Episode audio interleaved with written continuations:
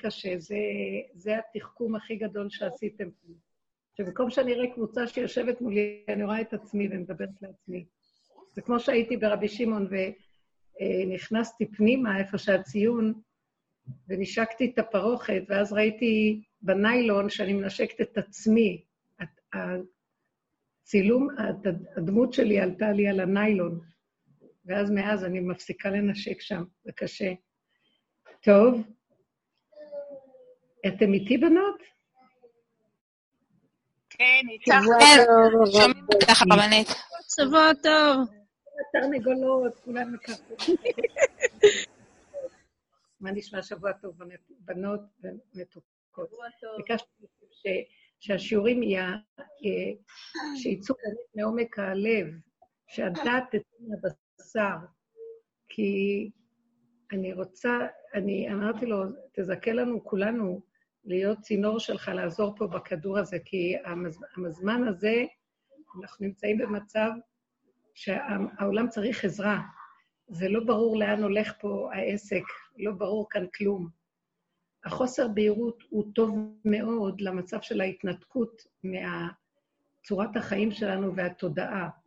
אם אין הכנה זה מאוד קשה, כי בני אדם, קשה להם לאבד את האחיזה כשהם לא יודעים. כל התכלית של הקיום שלנו זה כשאני יודע ויש לי תוכנית ואני מרגיש ביטחון בה, מזה הישות שלי קיימת וחיה, וכשאין לי את זה, אז הכל מתערער.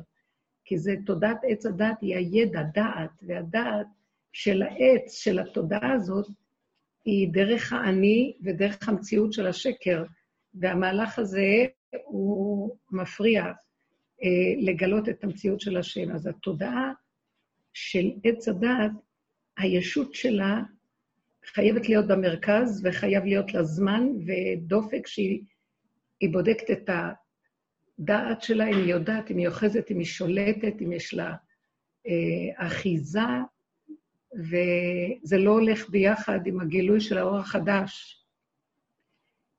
אה, כל אלה שנכנסו בדרך, כולנו חווינו ועברנו מעברים שכאילו הקרקע נשמטה לנו מהרגליים. זה הקרקע הדמיונית, והפוך. בעצם מה שקרה, הוא נשמט לנו הדמיון שאנחנו עומדים, שאנחנו חושבים שאנחנו עומדים עליו, ובעצם ראינו שלא קרה לנו כלום. אבל הפחד היה לאבד אחיזה של הדמיון, שאנחנו רגילים למה שהורגלנו. ובסופו של דבר, כשאנחנו הלוא קמים בבוקר ואנחנו מברכים ברכות השחר, מי שזוכר לברך, הברכות מושתתות על כך שאנחנו בעצם קמים כמו אנשים שאין להם כלום, גלמים שקמו, ואז מברכים שהוא נותן את השכל השכבי לדעת, ו... כי אין לנו שום דעת באמת, ושהוא רוקע את הארץ, עושה לנו קרקע שנוכל להתהלך על הארץ, כי בעצם למטה יש מים, רוקע הארץ על המים. וכן הלאה וכן הלאה, ושאנחנו בעצם מציאות של אסורים ולכודים, והוא נותן לנו תחושה של, הנה אנחנו בעצם לא אסורים. זאת אומרת, יש כאן איזה דמיון שאנחנו קמים ומכניסים את עצמנו אליו, כי כשבהתחלה שאנחנו מתוודים, אנחנו מודעים לכך שאין לנו שום אחיזה. אין לי קרקע ואין לי דעת, ואני מציאות של אסורה ונפולה, ו... עייפה, והוא הנותן להם כוח, והוא רוקר אצל המים, והוא מכין מצעדי גבר, והוא עושה את כל העסק. אז אנחנו לרגע מודים, ואחרי רגע שמקבלים את התודעה החדשה, מיד אנחנו זכוכים, רצים לדרכנו, כאילו עכשיו אנחנו מסודרים. אז הדרך, מי שנכנס בה, היא אה, מרקדת, כמו שמרקדים את החיטה, המרקד, אחד מאבות המלאכה של אה, ל"ט המלאכות, שאנחנו מנענעים, מנענעים אותנו כקברה, כמו במסננת גדולה, שמנסים לנקות לנו את כל השקרים, את הדמיונות. וזה לא קל, אבל אחר כך אנחנו רק, כמו שזה, מה זה אחר כך? הימים של היום, אנחנו רק יכולים להגיד להשם תודה. תודה, בגלל שכל פעם מחדש, אה, שאני מרגישה שמשהו יש לי איזו מצוקה, אני יודעת שלוקחים לי את הדמיון, ואין לי קרקע. ואז באותו רגע אני נושמת, ואני לא רוצה לאבד את העשתונות. ואני אומרת, ריבונו של עולם, אם אני נושמת והנשימה הזאת קשורה איתך, שווה לי כל העולם. אם אני אחוזה בך, הכל שווה. זאת אומרת שאני מכינה, אנחנו הכנו את עצמנו בשביל לא לאבד את העשתונות של, של הדמיון. אנחנו מפחדים לאבד את הדמיון, וכשמשהו זז לנו, זה שעה שהשם מזיז לנו את הדמיון. זה שעה של גילוי שלו, ואנשים לא יכולים לסבול את זה. ואז אנחנו בצער נוראי שהזיזו לנו. אם אנחנו רגע מתאפקים ולא נותנים לצער להשתלט עלינו, עלינו ולרגש, ואנחנו מחזקים באומץ הלב את עצמנו לתוך הנשימה, לתוך הרגע, כאן ועכשיו, פותחים את הפה ואומרים לו, רק איתך, אבל אין כאן כלום, רק אתה, הקרקע חוזרת להיות רגועה, ואנחנו לא נשברים, כי אנחנו משלימים. באותו רגע אנחנו יודעים ששום דבר לא שלנו, הכל שלך. ואם אני ככה חיה פה, זה מה שהוא רצה ממני. הוא לא רוצה להסעיר אותנו, הוא לא רוצה לצער אותנו, הוא לא רוצה שנהיה במצוקות.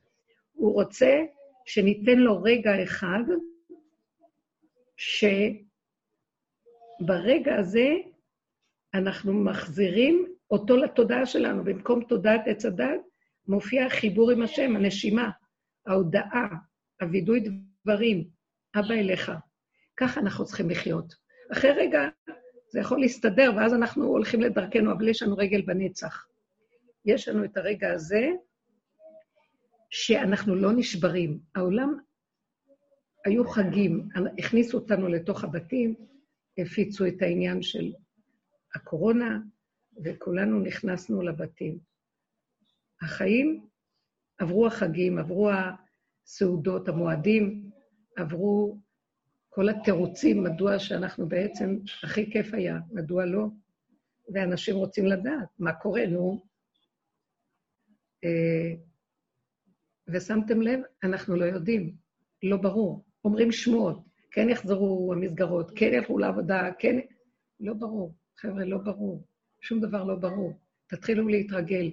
אשרי מי שזכה להיכנס בדרך הזאת.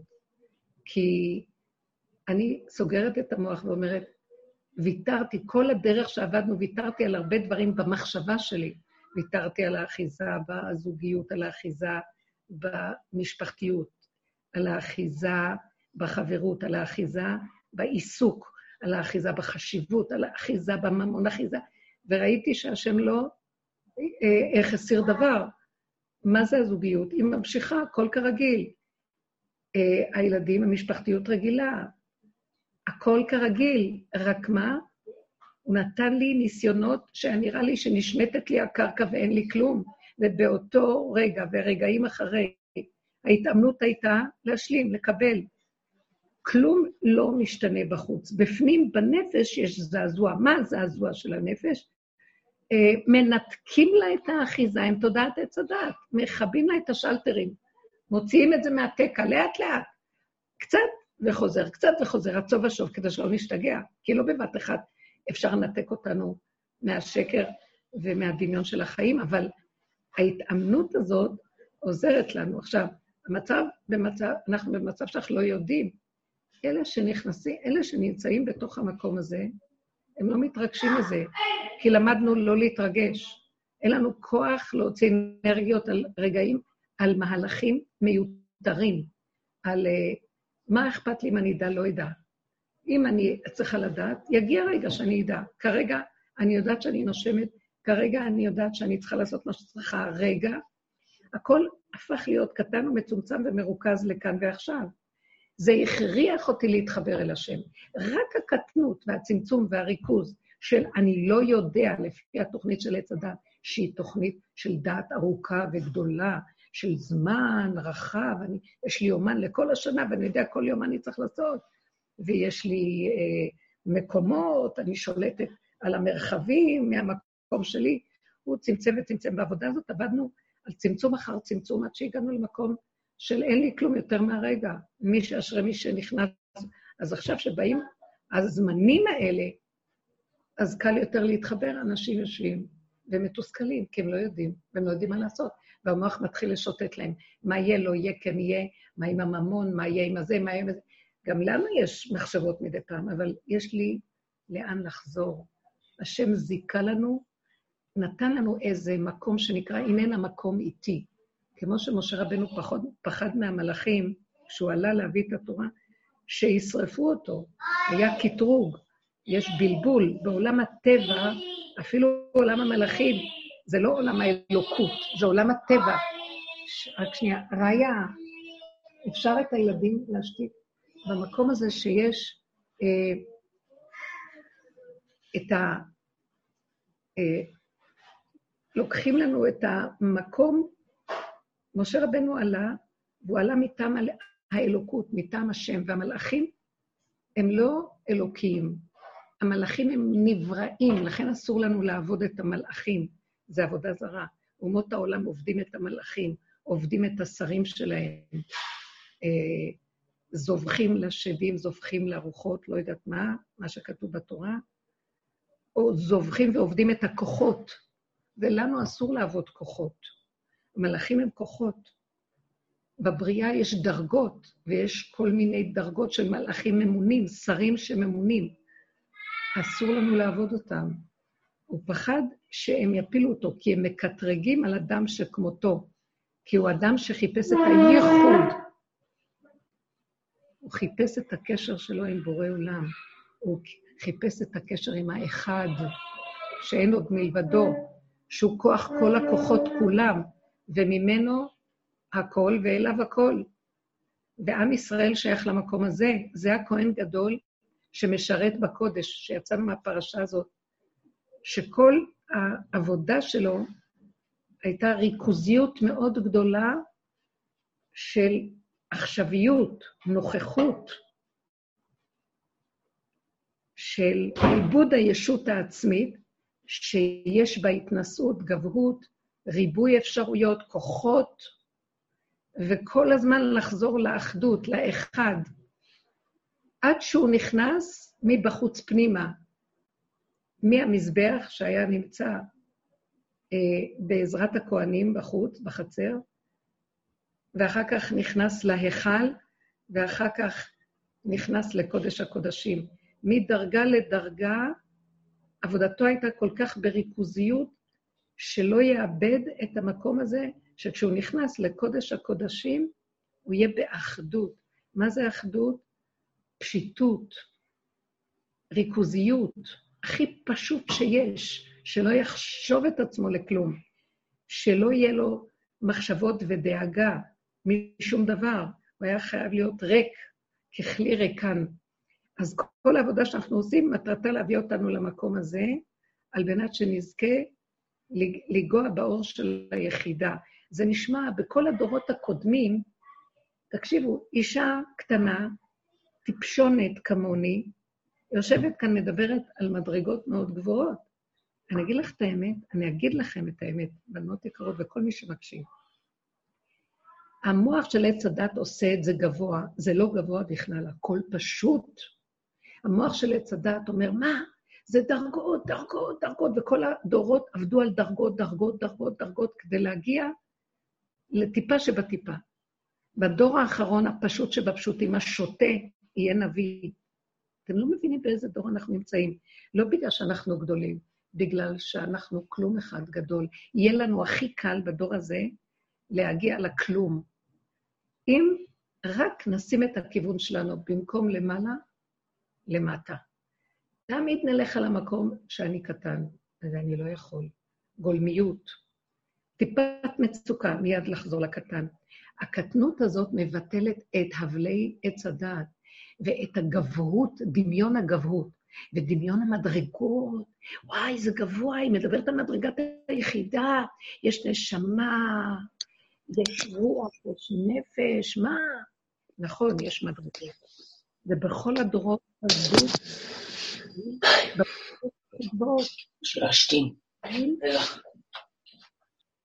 בזכלים הכי גבוהים. בדור הזה, מה שהם השיגו בעבודות נוראיות של טיפוס למדרגות, מדרגה לדרגה לדרגה בסדר ההשתלשלות, אנחנו פה יכולים ברגע אחד של ביטול קטן, שנסכים במרכאות למות לכל הדמיון והשקר והגדלות. איך? המצוקות שמגיעות אלינו, בואו נסכים להן. בכל הדורות נלחמו, ברחו מהם, התקוטטו עם עצמם כל הזמן, יצר הטוב מול יצר הרע. אנחנו מתקוטטים. אנחנו לא מצטערים ולא מתרגשים ולא מוכנים גם אה, להישבר משום דבר, ורק להגיד, אני פשוט לא יכול. היצר לא יודע מה לעשות בדבר הזה. ככה הוא רודף אחריהם, רודף.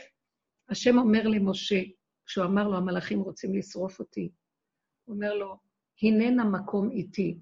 יש איזה מערה, מקום מערה, מה זה מערה? חושך, נקרת הצור. מקום שתכניס את הראש שלך לשם, תכניס את עצמך, תתמעט, תתקטן, תהיה אבן דוממת. הם לא ירגישו בך. זה ביטול הדעת, ביטול הישות, כי הישות יושבת בדעת, מחשיבה את עצמה. הדור האחרון, דווקא בגלל שהוא שותה, למה זה שותה? דמוי שותה. כלומר, שפתאום הוא כל הגברות שלו וכל הגדלות שלו וכל הדמיונות של השכל שלו, זה כל כך כסילי. אין לנו שום שכל, ברגע אחד אנחנו רואים. החכמים הכי גדולים לא יודעים מה לעשות עכשיו, לא יודעים. אין כל, בוא ניקח, בוא ניקח בעולם החיצוני דוגמאות. חכמי הפוליטיקה, אין פוליטיקה, היא נגמרה, אף אחד לא מעניין אותו חדשות, ממשלה לא ברורה, זה לא בכלל, אין להם כוח. פתאום מתגלה כל השקר במערומיו. גם בתי המשפט מלאים שקרים ובדותות ומלאים, אה, לא ברור. אה, הכל חוכה והתלולה, הכל צחוק, לא ברור בכלל. אה, הנושא של הכסף, ברגע אחד לא ברור מה קורה בבנקים, אנשים לא יכולים להוציא את הכספים, אה, לא יכולים, אה, לא יודעת. אה, פתאום לא ברור. מאוד מאוד מוזר. הריביות של המשכנתאות עולות. נראה שהיו צריכים לבוא לקראת אנשים ולהוריד את הכל. לא ברור, דווקא עכשיו הכל עולה. אז מה אתם עושים? אין שכל, אין ידיעה, המניות יורדות, עולות, שום דבר לא ברור. לא בכסף, לא בכוח, לא בדעת. האינטלקטואלים לא יודעים מה הולך, מה הולך. ירדה איבדו את הבמה שלהם, השליטה בסדר של הדת הולך ומתפוגג, כי אין שום היגיון במה שקורה, אין שום שכל, לא ברור כאן כלום. אה, בואו ניקח אותנו בעולם עולם ששומר תורה ומצוות, עולם חכמי ישראל, זה לא ברור שיקרה מה שקורה. תדעו לכם שזה לא, זה שוק לעולם התורה מה שקורה. ישיבות סגורות, אה, התלמודי תורה סגורים. אה, נכון, הרבס מעבירים שיעורים דרך הטלפון, לא ברור אפילו ילדים שרועים על הרצפות, על השפות בבתים, כמה אפשר להשתעשע, לשחק איתם, להעסיק אותם. לא ברור להם מה יקרה מחר. הולכים, לא הולכים, מה עושים, לא עושים. אה, מניינים ברחובות, במרפסות, לא ברור, בתי כנסת סגורים. הדברים לא ברורים, שום דבר, כלום. אחד הילדים שלי, הבנים שלי עסוק ב... הם עברו לשכונה חדשה, שהם... אז הוא עזר שם, עוזר יחד עם קבוצה, לבנות שם בית כנסת. כנסת גדול, יפה. כסף אין להם לעשות את זה. אז הם uh, פשוט הטילו מס על כל תושבי השכונה, שכל אחד, זה, זה מקובל, שכל אחד ישלם איזה סכום, uh, יתחייב לסכום גדול כדי לבנות את בית הכנסת. ואנשים, אברכים, אין להם גרוש. התחייבו, התחייבו לעשרות אלפי שקלים בתשלומים, ולאט לאט כאשר אין להם. וכששמעתי אותו מדבר, אז אמרתי לו, מאוד קשה מה שאתם עושים. קשה מאוד לקחת מאברכים כסף. בשביל, נכון שבית כנסת, אומר לי, אמא, אמר לי, יודע שאני מאוד מתפללת שבית המקדש אה, אה, כבר ייבנה. אז הוא אומר לי, אמא, גם כשייבנה בית המקדש, יהיו בתי כנסיות, את יודעת. אז תמיד אמרתי לו, נכון, נכון, אבל אולי תנסו להשיג תרומות, תתאמצו, עסקנים צריכים להתעסק בהשגת תרומות. אי אפשר לקחת מאברכים, אין להם. הם חתמו חוזים, התחייבו, אנשים נתנו, והכל תקוע, בנייה תקועה, הכל תקוע, שום דבר לא... הוא אומר לי, אבל את יודעת שגם בימות, גם שיהיה בית מקדש, שיהיה בתי כנסיות. אז אמרתי לו, נכון, בני היקר, אבל זה לא יהיה מה שהיה קודם, זה לא אותו סגנון, זה לא יהיה אותה גדלות, זה לא יהיה אותה חשיבות. השם ממוטט את הכל, אין מזרח ואין אה, זה לא יושב שם וההוא לא יושב שם. הכל יהיה פשוט שבפשוטים. השם מחפש את הפשטות, השם מחפש את הגדלות, ושח גדלות האדם וגבות הנשים תיפול. לא יהיה אה, מעמדות ולא יהיה מדרגות, הכל יתחיל לרדת, כי תתגלה האמונה בעולם. מהי האמונה? האמונה בעולם, אין לאדם אמונה, זה גילוי השם, רק להשם יש אמונה. איך יתגלה השם? על ידי הכסילים כמונו, שאומרים אני לא יכול, והם לא שבורים. כי אין עניין להישבר מאדם שלא יכול. אה, אם אני שבור, אז אני עדיין בעץ הדעת אה, בין הגאווה לבין הייאוש. אז אני לא שבור, מ, מה, אם אני שבור זה מהייאוש, כי לא הולך לי. אנחנו נמצאים במקום, ילך, לא ילך, כלום לא שלי כאן, אני מוכן לוותר על הכל ולהגיד לו, ריבונו שלם, יש לי נשימה אחת מתוקה וטובה איתך, תודה. יש לי מה לאכול הרגע, תודה. קורת גג על ראשי, תודה. יש לי רק רגע. תרחם עליי ואל תעזוב אותי למקרים, ותן לי להיות רק בחסותך. כי מה אני יודע? לא יודע שום דבר. כל המצב הזה שהבאת לצמצם לנו את הדעת, לצמצם את הכל, צמצמת אותנו פנימה. אם עבדנו קודם בנפש, עכשיו אתה נוגע ממש בגופים, אז תשאיר אותי שייכת לך. התאמנו בנפש, עכשיו יותר קל לנו בגופים. אני לא רוצה לדעת ולא מבינה כלום. ומי אמר שצריך לחזור העולם כמו שהיה? לא צריך לחזור, הוא גם לא יחזור כמו שהיה. עובדה שהם מחזיקים ומחזיקים ומחזיקים. גם אם הוא יחזור, רשות הרבים לא תיראה כמו שהייתה עד עכשיו, כי תתחיל להיכנס רשות היחיד לעולם. זה כמו שהעולם יתפתח, אבל יהיה כמו מועד, כמו חול המועד. לא מצב של יום חול סוער של כניסת שבת, כולם סוערים בכבישים. הרחובות היו מלאים, לא היה מקום לזוז במדרכות. אני ידעתי, משהו חייב להתפוצץ פה, אין מקום לזוז במדרכות. אנשים, מש... יש להם בתים גדולים. משלמים משכנתה ולא גרים בבתים, כל היום ברחובות. הכל ש... שקט, עכשיו כולם בבתים. הצמצום הזה שהוא מכניס אותנו, מקורו בזה שהוא רוצה להוריד את הדעת. זה לא רק צמצום בגוף הדבר, בנפש הדבר הוא מצפה מאיתנו להיות ברגיעות, בשלוות, ברגיעות של הרגע, בשלוות הנשימה, בהכרת הטוב ובהודיה. זו ההכנה הכי גדולה, זו עבודת יום הכיפורים, מה שיצאנו עכשיו מפרשת אחרי מות שני בני אהרון. זה פרשת עבודת הכהן הגדול לפני ולפנים. כל עבודתו ביום הכיפורים. אנחנו, כל הדרך שלנו נקראת עבודת יום הכיפורים. זה עבודת הצמצום, להיכנס מהרחבות של עץ הדת פנימה. זה יום הכיפורים, זה עבודת הצום, צום מלשון צמצום. זה עינויים, חמישה עינויים שלא אוכלים ולא שותים ולא מתלבשים בבגדי אור, וכן, לא סחים וכן כל מה שאסור ביום הכיפורים. זה צמצום אחר צמצום בנקודת הגוף, גם בנפש. אנחנו מחפשים כל הזמן אחר הפגמים. ומתוודים על החטאים ועל העבירות ועל הפגמים. מה זה החטאים והעבירות? הפגמים שלנו. מה זה הפגמים? פירקנו את הכל, אתן זוכרות בנות בשיעורי. מה פירקנו את הפגם? הפגם זה טבע שעץ הדעת, השכל של עץ הדעת, שם עליו את העין רעה שלו על הפנס, זה כמו יושב לו למעלה המן על עץ חמישים אמה, שם את הדעת שלו אה, על המידה שלי. אה, אם uh, אמרתי למישהו משהו, הוא בא ואומר לי, מה אמרת? תראי איך את נראית, מה זה, מה הוא אמר לך? או שהוא אומר לי, מה, ככה הוא אומר לך? מה הוא חושב לו? הוא מתחיל uh, uh, לסכסך אותי, לשדוד אותי, ואז אני יוצאת בלשון הרע ומריבה לשני. ואם אני מתחילה להסתכל על עצמי, אז אני אומרת, איך עשית? אז אני, אם אני לא מתה מהשני בחוץ, אני מתה מעצמי מבפנים, מהמצפון, מההלקאה העצמית, מהשופטנות ו, וכל הביקורת העצמית, אז אין חיים, לא בחוץ ולא בפנים. כל המהלך הזה של תודעת עץ הדת, כשהוא יושב על האדם, יושב לו על המידות, קודם כל יושב לו על השכל ומשגע אותו. אחר כך הוא גם פולש לו למידות. ואנחנו עבדנו על המידות, על התוואים, על הנפש, כי חכמים כבר עשו את העבודה על הדעת. באמת, כמו שעשו בכל הדורות עבודה על הדעת, אף אחד לא יכול לעשות עכשיו. הם פירקו את הדעת בצורה לא נורמלית.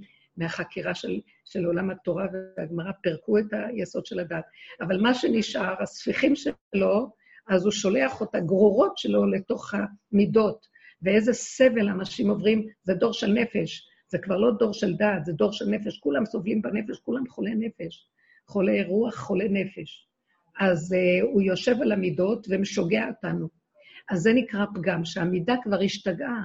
זה לא באמת המידה שלנו, לא שהמידות שלנו לא טובות, הוא שודד אותן ועושה לנו מידות רעות, הוא מוציא אותנו החוצה, כי הוא כוח חיצוני.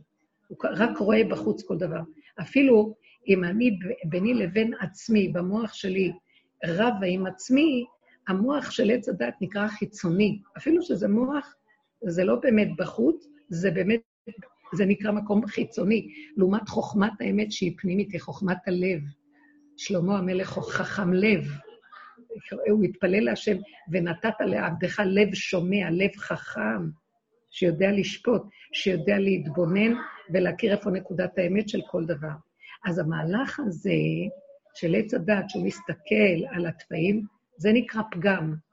אז התבוננו בפגמים ופירקנו את הדת המשוגעת, ראינו שזה הדת, נשארנו בסוף כמו ילדים קטנים, עם התוואים הפשוטים שלנו, וזה הטבע שהשם ברא, והטבע שהשם ברא הוא הכי טוב בעולם והכי נכון, כל אחד והטבע שלו.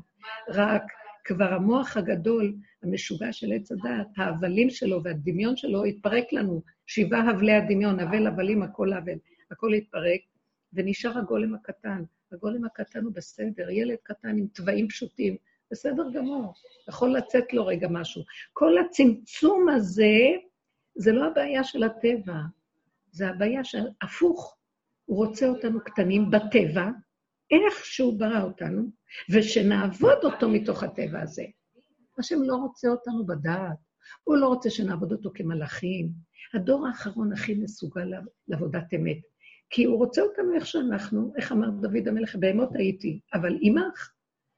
כי הדת לא יכולה להיות איתו, היא יכולה להיות עם הדמיון שלו, היא לא יכולה להיות עם השם. היא ישר עפה על עצמה והיא נכנסת להשגות, ויכולה ללכת לאיבוד.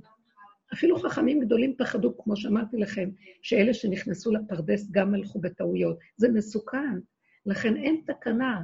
הפשטות, הקטנות, ורק מהקטנות הזאת יכולה פתאום לבוא הנבואה מחדש. הקטנות של האמונים. ככה היה נכנס הכהן הגדול לפני ונפנים. בלבוש של כהן הדיוט, ארבע בגדי לבן, הוא היה נכנס לקודש הקודשים, והיה מכניס את הקטורת, ואחר כך היה אה, גם כן יוצא ולובש בגדי זהב, וחוזר עוד פעם, ותמיד כשנכנס לקודש הקודשים, רק בבגדי לבן, ארבעה בגדים, כמו כהן אדיוט. רק הבגדים היו עשויים מפשתן, אה, הם היו בגדים משובחים, אבל פשוטים, פשוטים, פשוטים. שלא ירים את האף, שלא יזוח דעתו עליו, שלא כלום. כי כשנכנסים לקודש פנימה, דרגת היחידה, אין שם אף אחד שיכול להגיד אני, רק השם יכול להגיד אני השם. זה מקום כזה. עכשיו, שמה, זה יסוד האור החדש והיסוד של הנבואה שתתחדש עלינו בקרוב. נמצא שדווקא הפשוטים, דווקא אלה שמתרוקנים, דווקא הקטנים, זה יסוד האמונה. כשאדם מגיע לקטנות ואין לו כלום, גם אמונה אין לה גולם. אבל שמה מתגלה מדרגת היחידה, והיא האמונה. כי באמונה אין מדרגות.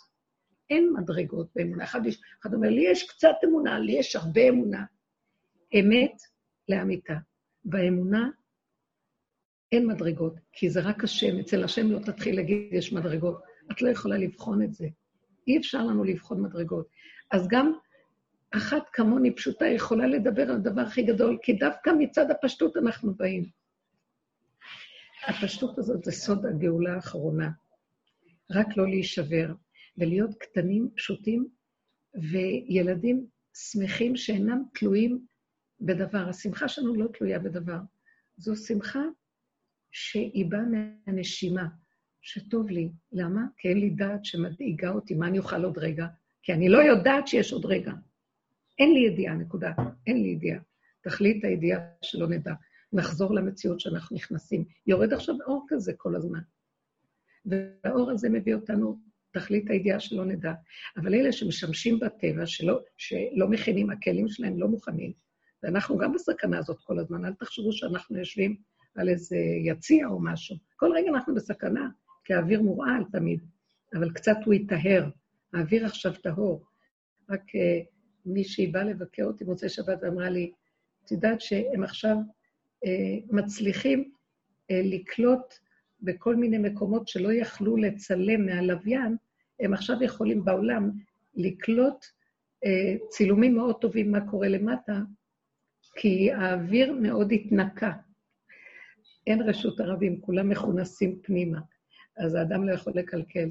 אז בכל אופן, כשאנחנו נמצאים במקום הזה, שזה עכשיו הפנימיות ויסוד היחידה, האין ידיעה היא בשבילנו מתנה, וגם יש לנו פחות או יותר כלים להחזיק אותה ולהיות שם.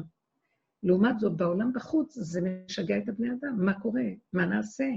יש חשדות, לא ברור, אה, מה הולך פה, קונספירציות, מה זה, לא ברור, יש תסכולים ויש, אה, כאילו אדם מרגיש חסר אונים ואיבוד שליטה, לא שהוא מסכים לזה, זה מעין אין עונות של אה, אין ברירה, זה תסכול, בעוד שאנחנו מסכימים. למה אין תסכול? בגלל שאין לי עוד רגע שיכול להצטרף לעוד רגע, שיכול להצטרף לעוד רגע, שיבנה לי איזה רמה של אה, תסכול ברגש, משהו מתמשך. אלא יש לי רק נשימה. אני לא יודע, כמו ילד קטן, הוא יודע מה יקרה איתו כל רגע.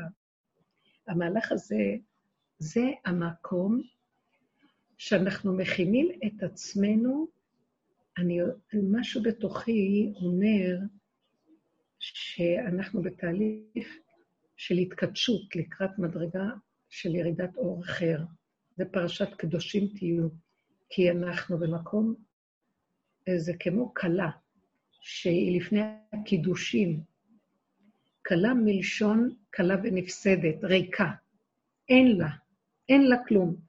היא מכינה את עצמה לקראת המעמד להתחבר למשהו שייקח עליה חסות. ופרסת כנפיך על אמתיך, כמו שרות אומרת לבועז במגילת רות. איזה ביטוי יפה, ופרסת כנפיך על אמתיך, כנפי שכינה פרוסות על האדם. אדם צריך להתבטל לנקודה. אז הצמצום הזה, עד שמגיעים למקום הזה של אין ריבוי, יש יחידה, אה, מאפשר את העניין של הקידושים, קדושים תהיו. בואו נדבר מה זה. זה פרישות מתודעת עץ הדעת. קדושים תהיו, פרושים תהיו, רש"י אומר, פרושים. כמו שסוף הפרשה הזאת אה, מסתיימת בכל איסורי העריות, כן? שאנחנו קוראים את זה ביום כיפור, כי זה פרשת יום כיפורים, קוראים אותה אה, כל עבודת הכהן הגדול, ואחר כך כל העריות והאיסורי העריות, וכמעשה ארץ מצרים אשר היית בה לא תעשו. מעשה ארץ מצרים זה תודעת עץ הדעת, השיגעון והקלקול של עץ הדעת, הרחבות וההפקרות והגדלות והשיגעון של מי יגיד לי מה, מי יאמר לי מה תעשה ומה תפעל. אה, לעומת העבודה של הצמצום, שהיא מכניסה אותנו ליראה. היראה שלי היא אפילו לא מהשם. בהתחלה, היראה היותר אמיתית ונכונה, כי בגלות שאין לנו את עבודת האמת ואנחנו מחוברים לבשר שלנו, אה, גלינו מארצנו ונתרחקנו מעל אדמתנו ואנחנו אה, מרחפים בתודעת עץ הדעת, גם התורה נכנסה לשם, הרבה גבהות של לימוד. כל התורה בגלות היא לא תורה מעשית כמעט. אה, אנחנו לומדים אותה ומשננים אותה, אבל באמת העיקר של התורה זה בארץ ישראל, הקיום שלה בארץ ישראל, הרמב"ן, הרמב"ן, כולם מדברים על זה, שעיקר קיום התורה, הם לא רוצים ללכת הביתה, האורחים שלי, לא רוצים. העיקר של התורה זה בארץ ישראל. המצוות והכל זה פה. למה? כי זה מבשרי, מאדמת ארץ ישראל, מתוך המקום הפנימי שלנו. זה מפריע לכם בטח הרעש. אולי אני אבקש ממנו. אני לרגע מפסיקה. שנייה.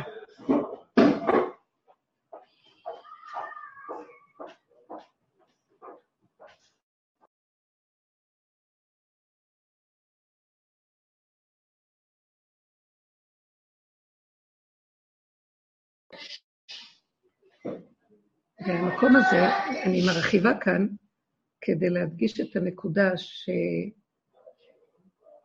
שהריחוף של המוח לא נותן לנו להיות בנקודת האמת. וכל העבודה של הצמצום מביאה אותנו חזור לאחוריך ולהיות במציאות של מבשרי. זאת אומרת שזה בחינת ארץ ישראל, זה בחינת עיקר התורה, לחיות את הנקודה, לחיות עם נקודת האמת של הדבר, וכשאנחנו נמצאים במקום הזה, שמה יכול להתגלות השם, כי זה ארץ אשר עיני השם אלוקיך בה תמיד. היא ארץ ששייכת להשם. המקום המסוגל לגילוי שלו, במקום, בבית המקדש, ירושלים, זה, זה מקום אחר מקום, פנים, נקודה פנימית, שזה מקודש הקודשים להיכל, לעזרה, להר הבית, לירושלים, לארץ ישראל, ואחר כך לכל הכדור. אבל קודם כל, הנקודת היחידה היא חזור לאחוריך, מהכדור, חזור לאחוריך פנימה. המהלך הפנימי הזה, הוא סותר את תודעת עץ הדעת. הפך ההפקרות, הפך השוטטות של המוח, הפך הרגשות שמוחצנים וכל אחד יעשה מה שרוצה. אם זה בגאווה והאצנות החיצונית, אם להתראות והצלחה, כל טוב, יקרים, הרבה נחת. אם זה במהלך הזה של הייאוש והתסכולים הרגשיים פנימה, זה לא זה ולא זה, זה נקודת האמצע, אנחנו הולכים אחורה אחורה בקטנות, עד שמדייקים לנקודת היחידה, גולם ליחידה. זאת אומרת, הרוורס הזה שאנחנו עושים, מוציאים אותנו מארץ מצרים, כמעשה ארץ מצרים, אשר היית בה לא תעשו. צאו, אתם נכנסים לארץ ישראל. אני מרגישה שאנחנו נכנסים למדרגה יותר פנימית עכשיו. דעו לכם שאנחנו ממש לקראת נקודות מאוד פנימיות של טהרת הכדור, ואלה שעובדים ונכנסים, וכל העולם, כל העם, יימשך לכיוון פנימי יותר. אלה שיש להם תחנה יוכלו לעזור לכולם. העולם לא יכול לחזור להיות איך שהוא היה. שימו לב איך שמחזיקים אותנו כל הזמן בלא יודע, לא יודע, כל פעם אומרים, כבר עוד מעט תיפתח. לא, לא, אולי זה, אולי שבוע עד שבועות, לא ברור, אולי עד זה, זה מהלך שקורה, זה לא יכול לחזור כמו שהיה. העולם מתחיל להיכנס לתודעה חדשה, וזה כמו שמנפים אותנו, מנפים אותנו ומכניסים אותנו, אבל אלה שעובדים והתנדבו לעבוד לפני שיעשו להם את זה האחרים, אז יש להם הכנה אחרת, על זה אני שוב חוזרת. ושוב אני רוצה לקשר את זה, שמי, שעבודת הכהן הגדול, שזה מראה לנו את עבודת הניקיון היחידה, אה, הכהן הגדול מסמל את עבודת הנפש שבה, שבעולם. הנפש זה לא כמו משה רבנו, שהוא היה שושבין של הקדוש ברוך הוא, מבחינת עבודת הזכר. אהרון הכהן היה מבחינת הנקבה, נוקבה, הוא עשה עבודת נוקבה. מה הוא עשה? כל היום שחטו שם, בבית המקדש שחטו קורבנות. כלי המקדש, אפיית הלחם, הקורבנות, הטבת המנורה, הדלקת המנורה, ופעם בשנה להיכנס לפני ולפני בית קודש הקודשים, נקרא חדר המיטות אשר בבית השם. זה כמו הדרגה של ההתארות הכי גדולה, וכל הזמן הוא צריך היה לטבול בין עבודה לעבודה. עבודתו של הכהן הגדול אה, זה עבודת הכלליות של כל הריכוזיות של מה שהשם רוצה, בסוף ש... ועמך כולם צדיקים, ואתם תהיו ממלכת כהנים וגוי קדוש. כל אחד בחינה כזאת של ההיטהרות הפנימית, להיכנס פנימה עד שנגיע למקום למדרגה של הקידושין, הקדושה, שזה קודש הקודשים, שזה המקום של גילוי היחידה. אמנם דעו לכם שזה אף פעם לא מוחלט, כי זה רצו ושוב. העובדה שהכהן היה שם פעם בשנה, והוא יצא, אחר כך הוא חזר לעולם, אבל כבר יש לו רגל בנצח. אלה שעובדים במקום הזה זוכים לרגל בנצח. ארץ ישראל היא מדרגה שהיא למעלה מכל הארצות, שרק בה יכולה להיות תודעת היחידה. זה דרגה כי זה הארץ של הקדוש ברוך הוא, זה הארץ של התודעה של הקדוש ברוך הוא, של הקדושת אמת. זה לא ארץ מצרים, שזה תודעת עץ הדת והשקר, שכל השקר של התודעה הזאת פשע והתרחב לכל העולם. כולנו נושמים וחיים בתודעה של עץ הדת. אנחנו כלואים, אנחנו שבויים במטריקס הזה, בתודעה הזאת. אבל אלה שעובדים, מה עשינו? פתאום נתוודענו שאנחנו בעצם שבויים באיזה שקר אחד גדול. והשקר הזה הוא בתוכנו, והוא בשכל שלנו, שהוא ברגע שלנו, בכל הפעולות שלנו, התחלנו אה, להתבונן בעצמנו, וראינו אין מילה שאני אגיד שאין בה איזה שקר, שאין בה איזה נגיעה, שאין בה איזה גניבת דעת. ואז במקום ללכת לצעוק על השני, התחלתי לראות שאני הסכנה מהלכת על שתיים פה. ואז אני יכולה להישבר מזה, אז למדתי, מה שאני לא עושה לתקן, אני לא מצליחה לצאת מזה, כי אנחנו לכודים, המדוזה עופפת אותנו ולוחת, ויונקת, מה, מה אני יכולה לעשות? אז הגענו למקום של הכרה שאנחנו שבויים, אחד, שתיים, אני לא רוצה להיות שייך למקום הקודם, שלוש, אני חסר אונים, כי אני שבוי, ארבע, רק אתה יכול לעזור לי. כוח הרבה יותר גדול ממני, מי יכול? וגם, בוא נגיד, נלך לכל מיני כוחות שיעזרו לנו להיחלץ. בוא נלך לפסיכולוגים, בוא נלך לכל מיני יועצים, בוא נלך לרופאים, בוא נלך לכל מיני אה, מתקשרים, בוא נלך לכל מיני אה, כוחות. נאדה. כלום לא עזר פה לאף אחד. כל הפסיכולוגיה התמוטטה, כל הרופאים מתמוטטים, הכל מתמוטט. יש לזה נקודה, אבל היא גנובה. אין לנו, אנחנו חזרנו אה, מכונסים, מקופלים בדלת אמותינו, ראש באדמה, אה, בהכרת וידוי דברים אמיתיים, כמו עבודת יום הכיפורים. אין לנו לאן ללכת רק אליך. אנחנו, רק יודעים שאנחנו סכנה, ויש לנו משהו בתוך הנפש של היהודי, שזה ירושה מהאבות, שאנחנו יודעים שיש כנראה רדיואקטיביות של גילוי ומתן תורה שכולנו, נשמות ישראל היו שייכים לזה, ומרגישים את האמונה הזאת. יש ידיעה שיש כאן, אנחנו, לא יכול להיות שייאוש יש בעולם. אז אני לא יכול להתייאש במצב שלי, כי אני יודע שאתה קיים. אני יכול רק להגיד לך, אבא, אני לא יכול, רק אתה יכול, תעזור לי. אני אפילו לא יודעת מי אתה, אני יכול רק... אני לא רוצה לחשוב מי אתה במוח שלי, כי מה שלא חקרנו וידענו, אף אחד לא יכול להשיג אותו. אני יכול רק להגיד, אני חסר אונים, תעזור לי. ואני גם לא רוצה להישבר, ואני לא רוצה להיות אה, מדוכדך ועצוב ובייאוש ותסכול. אני רק רוצה להגיד לך, אבא, תעזור לי. ובתוך הדיבור הזה, אבא, תעזור לי. פתאום אומר לי, מה זה אומר לי? לכל אחד מאיתנו. אתה לא צריך לדעת שום דבר. כל הייאוש והסבל שיש לכם זה מהמוח שרוצה לדעת והוא מתגדל עליכם, ואם תלך איתו תשתגע. אז תעמוד על, עמדוך, על עומדך ותתחבר לכאן ועכשיו והרגע, תחבר לפה שלך, שים את הנשימה בתוך הפה, רוח אפינו, משיח השם, תכניס את זה לפה שמסיח, משיח, ותגיד, אבא, אני לא יכול, תעזור לי, אל תעזוב אותי. ושם תישארו. זה המערה שהשם אמר למשה, תיכנס, נענן המקום איתי. הפה הוא המקום השביעי בפנים. איך? זה כמו המלכות, זה המלכות. כי יש שבע כוכבי לכת, יש שבעה ימים בבריאה, יש שבע כוחות.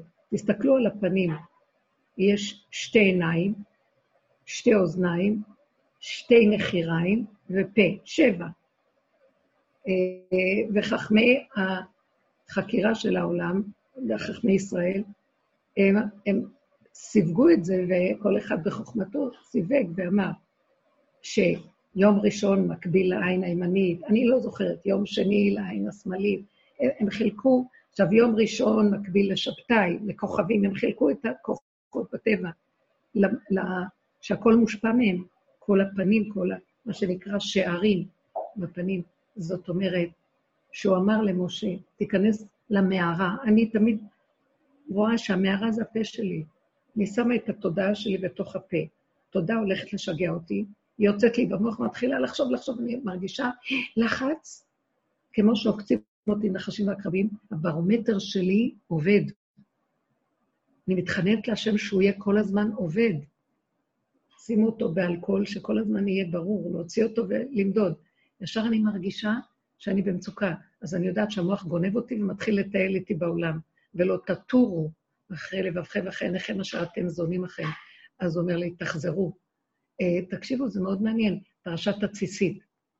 Uh, ואמר השם למשה לאמור, דבר אל בני ישראל, ואמרת להם, ועשו להם ציצית על כנפי בגדם. ונתנו על ציצית הכנף פתיל תכלת, והיה לכם לציצית, וריתם אותו, זכרתם.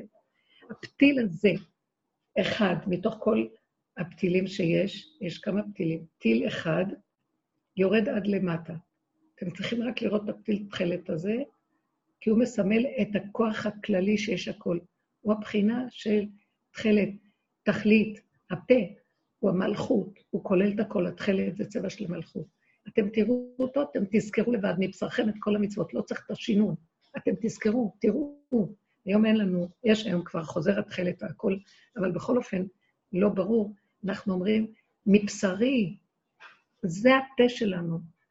דרך אגב, בספר היצירה הוא כותב, שקראתי, שהאות ת' שייכת למלכות, ת' זה הסוף.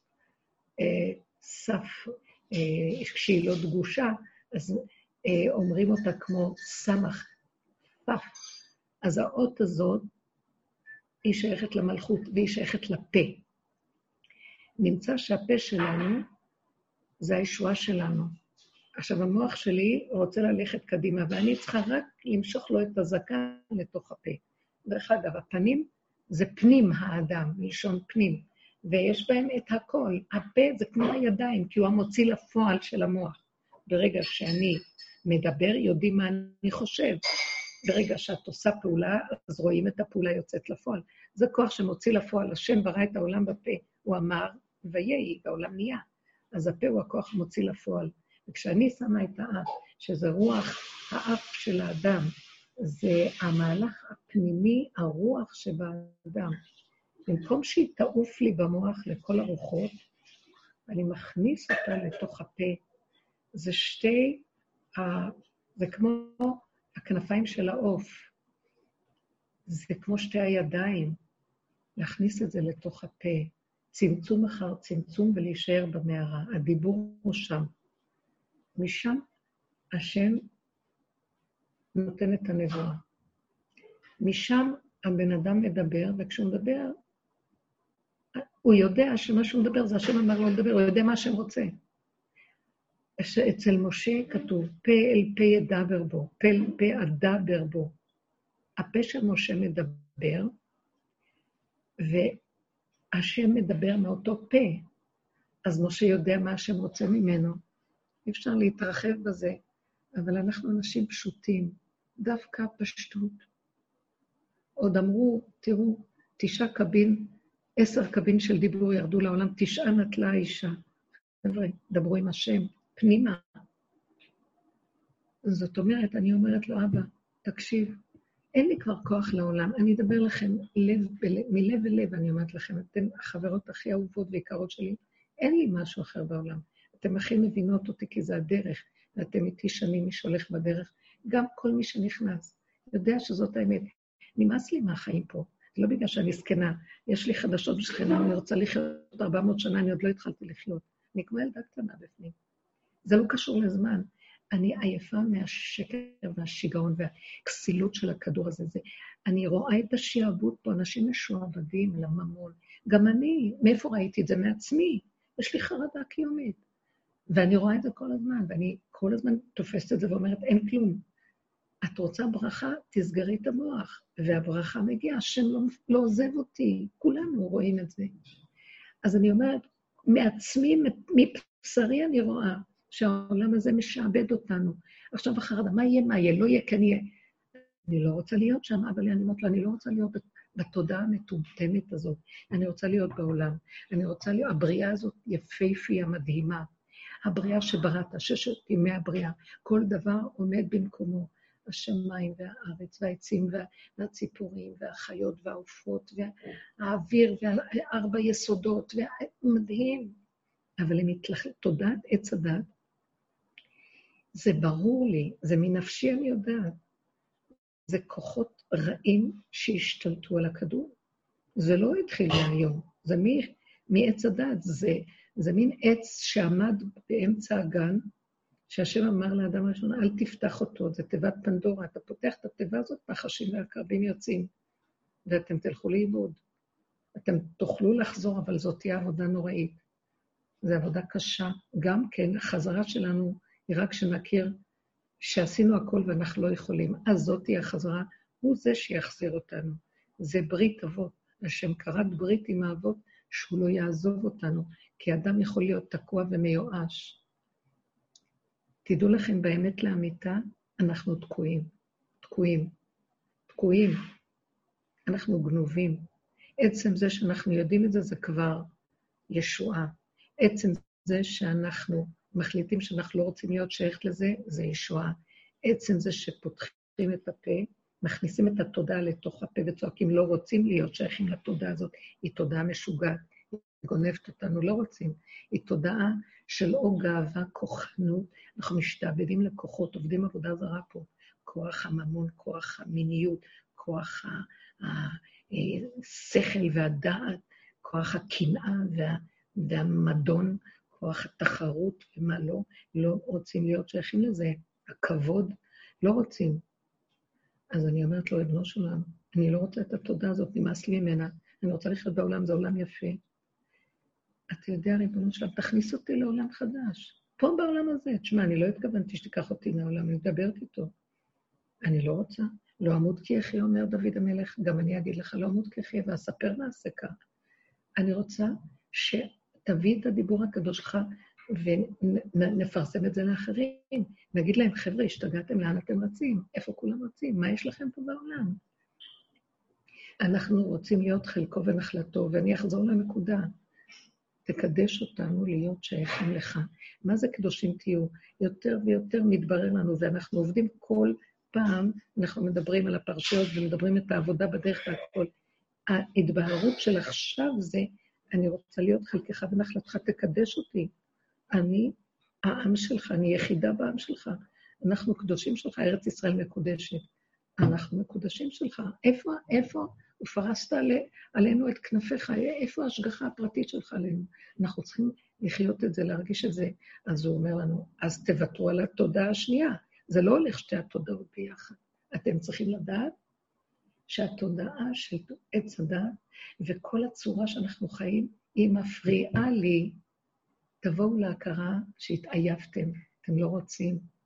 אחרי מות, שתי בני אהרון שמסמלים את המקום של הרוחני הגבוה, אבל שעדיין שבוי בתודעת עץ הדעת, שאין לו את ההכנה של הצמצום אחר צמצום לוותר על הכל, גם על המדרגות הרוחניות, גם על אהבת השם שפורצת את כל הגדרים. השם לא רוצה את זה. זה מין מלאכיות. הוא לא רוצה את זה. הוא רוצה מאדם קטנות, הכנעה, פשטות, אה, התמעטות. כמה עבודות היה הכהן הגדול עושה כדי להגיע לקודש הקודשים? תקשיבו, זה הכנה על הכנה על הכנה. זה גדרים, זה כללים, זה סייגים. גם אנחנו בעבודה הזאת. עד שהגענו למקום שאני אומרת לו, אבל לא רוצה טיפה לרוץ קדימה. המוח שלי יריץ אותי, יהרוג אותי. לא רוצה גם את הסיפוקים של הרוחניות, לא רוצה את הגדלות של המדרגות, לא רוצה את הדעתנות הגדולה. מאיפה אני יודעת? אתה נותן לי לדעת, הכל, בכל יהודי חרוט ידיעה, חרוטה ידיעה. כולנו ידענו. אנחנו יודעים מכל הדורות, יותר מדי יודעים, לא צריך יותר לדעת. תפתחו את הפה בנקודת האמת, כשהבשר שלנו מחובר לנשימה, שהנשימה מחוברת לפה ולבשר, מלמטה כל הידע מגיע. מאיפה הוא מגיע בכלל? ואני אומרת לו, אבל תעזור לי שהמוח של עץ הדת לא יפריע לי, ושאני לא אטפס למוח להביא להם מהמוח. אני לא רוצה מהמוח, אני רוצה מבפנים, מהאמת, מהפשטות, מהיושרה של השם עשה את האדם ישר, ועץ הדת ביקש חשבונות רבים. אז תרחם עלינו. כי למה? כי אני אומרת, מה יש לי להגיד? אין לי מה להגיד. אה, אז אני אטפס למוח, כי יש לי שם ארכיון. ואז אני אומרת, למה, למה את רוצה לטפס למוח? כי אין לי מה להגיד, אני מתביישת, לא נעים לי, אני, אם שומעים אותי מדבר, אז מה, אני צריכה להגיד משהו? אני צריכה למצוא חיים? אני צריכה לדעת. אני אגיד לכם, ישבתי בשירותים וצעקתי להשם, כי ידעתי שאני צריכה להיכנס לשיעור. אני לא רוצה לדעת. אתה לא יכול לדבר, אתה יכול להיכנס בפה של האדם. מה זה בשירותים? לא אמרתי פסוק, אסור, אסור להגיד דברי תורה, אבל אפשר לדבר מעצמי לעצמי. אסור להגיד פסוקים. דברי תורה אסור. כי יש לנו כללים בתודעת עץ הדת של התורה, מה מותר, מה אסור. אבל מי שנמצא בתחתיות של הכלום, בתוך הבור, אה, אין שם כן ואין שם לא, זה כמו לידה, אין כן ואין לא. מישהו שואל, מה? איך שזה יוצא, יוצא. המצוקה שאני לא אלך למוח, לא יכולתי לסבול, שאני אתאמץ עם המוח. זה קורה לי, חוזרים כל פעם אחורה. אז להתפלל, להיכנס עם האף למערה ולהגיד, אבא תרחם עליי, תעזור לי, שאני אחיה איתך. ואז מתבהר, כשאני איתך בקטנות, נפתח כל השפע יכול להיפתח. הלוואי ונזכה לזה. כל השפע ייפתח, והבן אדם ידע מה הוא צריך לעשות.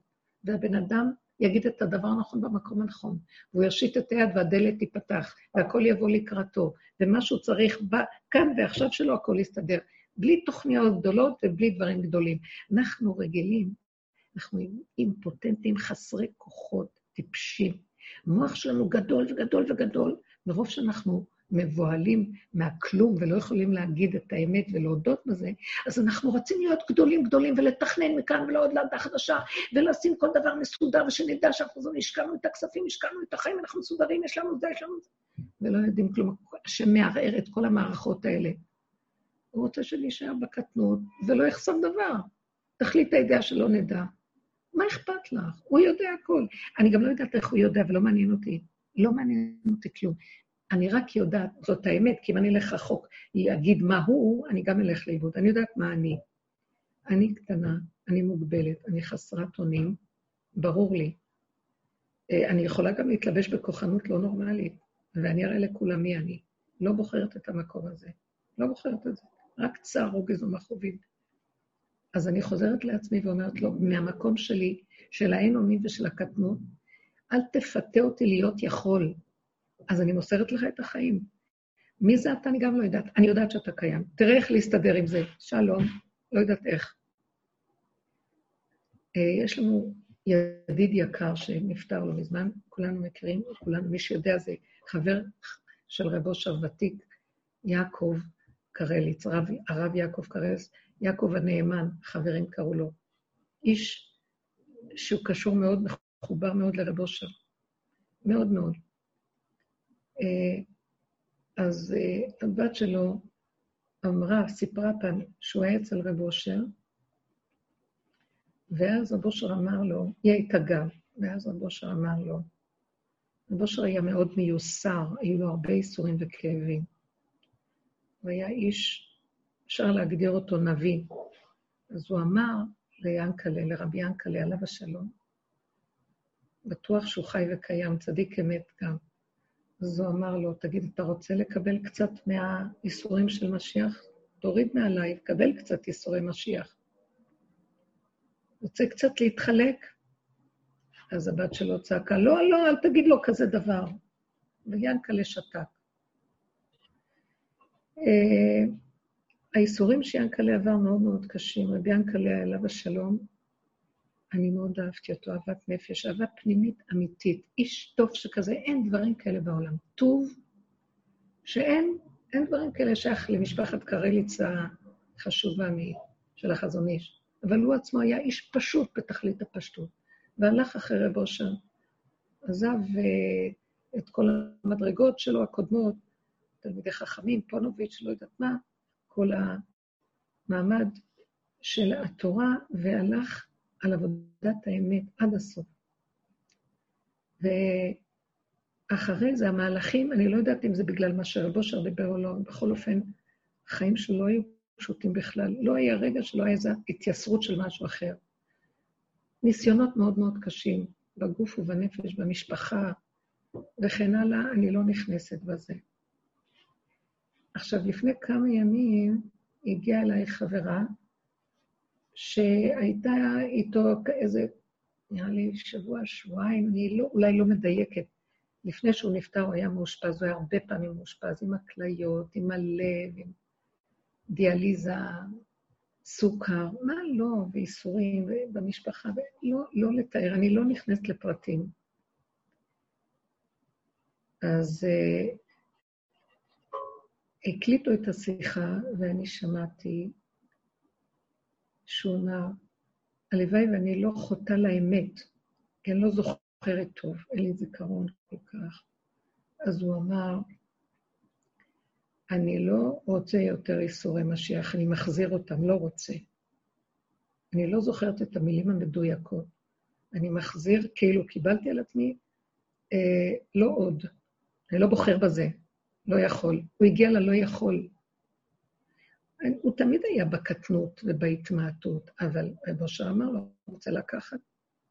כשאני שמעתי את הסיפור הזה, עוד שהאחות שלו סיפרה, אני אמרתי, אם אני הייתי שם בחדר, הייתי אומרת, לא, לא, תגיד לו שאני לא יכול, לא רוצה להיות משיח, לא רוצה משיח, לא רוצה כלום, לא רוצה כלום. רוצה שהשם יגאל אותנו באהבה, במתיקות, בלי שום צער, אפשר?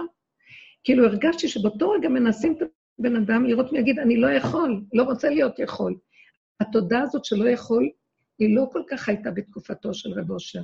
הוא עבד ככה בסוף, הוא עבדו ככה.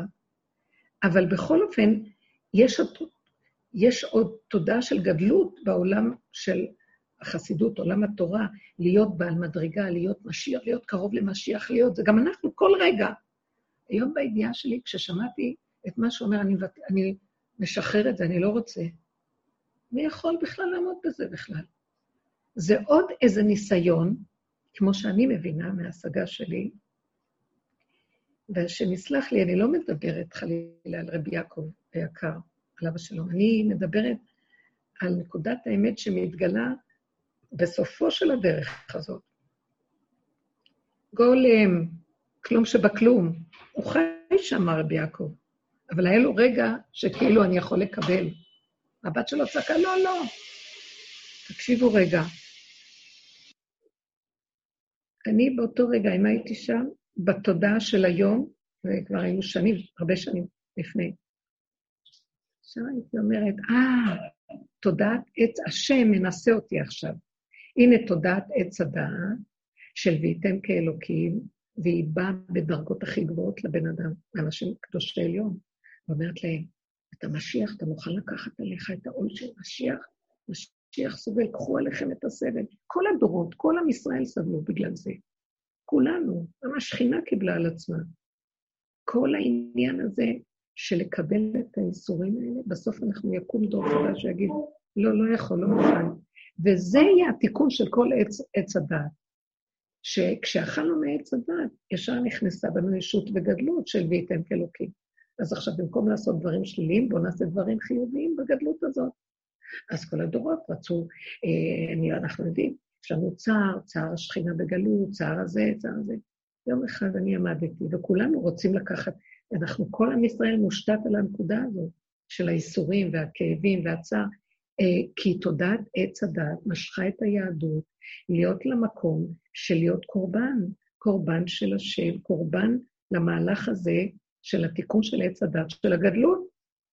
אז uh, אכלנו מהעץ, נהיינו גדולים, אז עכשיו צריכים לשאת את השק הזה של הגדלות ולשאת בעול של הגדלות.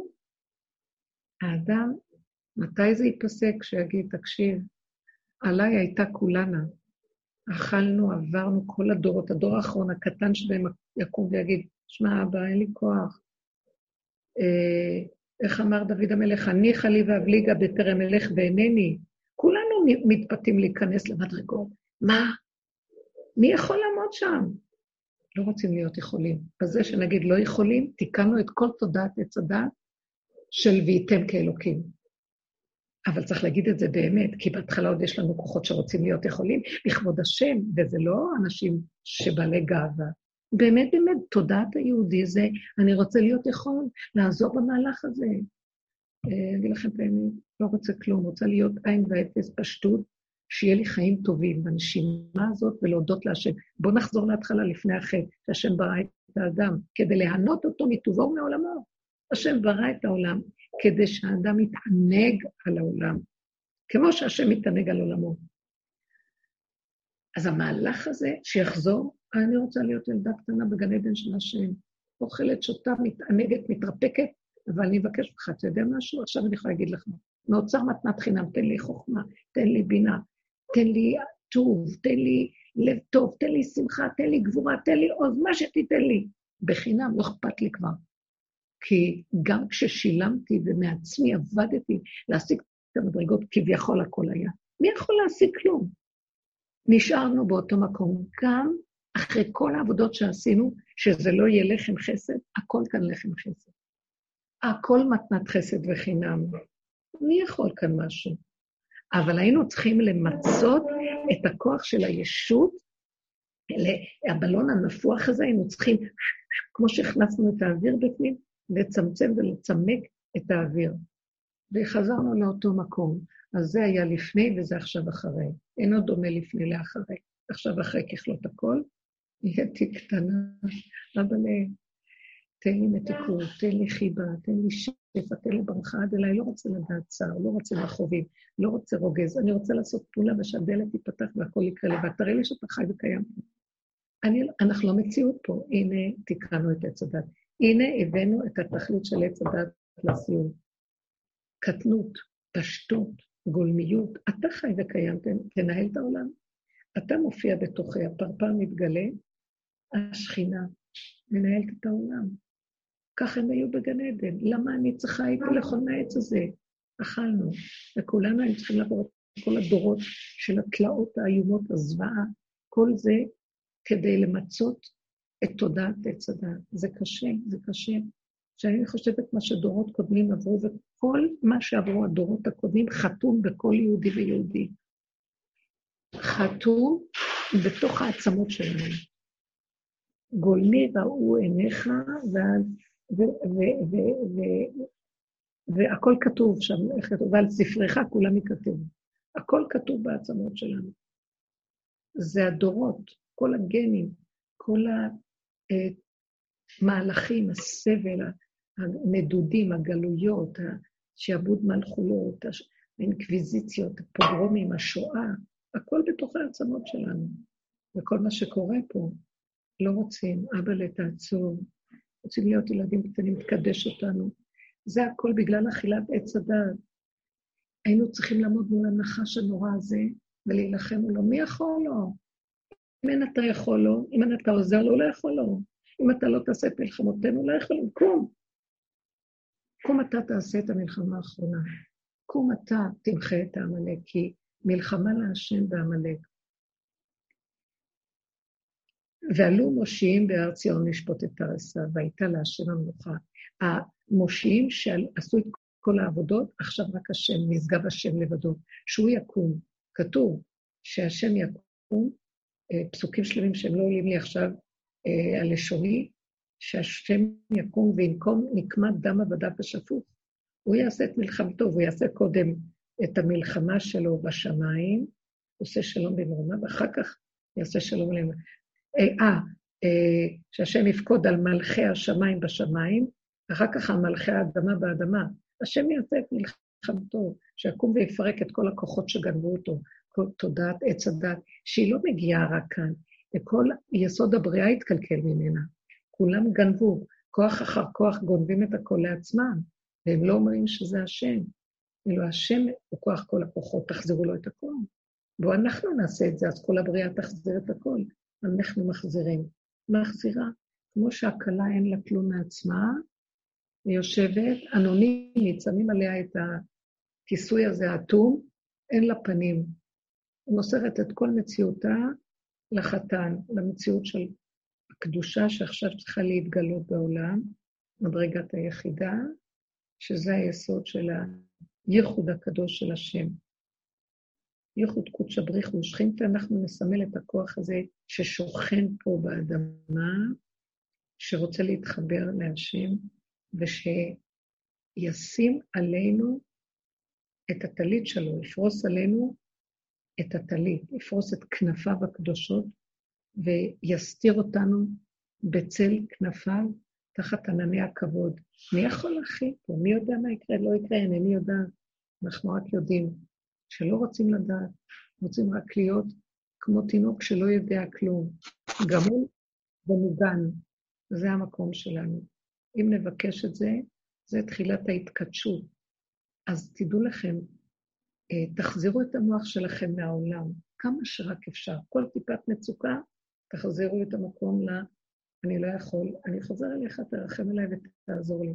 תנהל אותי, יש לך את כל השפע לתת לי, יש לך את כל הברכה, יש לך את כל החוכמה, אה, את כל האוצרות שלך, אתה שמרת לתת לעם שלך, אם לא לעם ישראל, למי, וזה הזמן לתת אותם. תיתן אותם ותיתן לנו בכפל כפליים, כמו שאמרו, לקו בכפליים וגם הנחמה תהיה בכפליים, ותיתן לנו את הברכה שלך, ושלא נדע צער.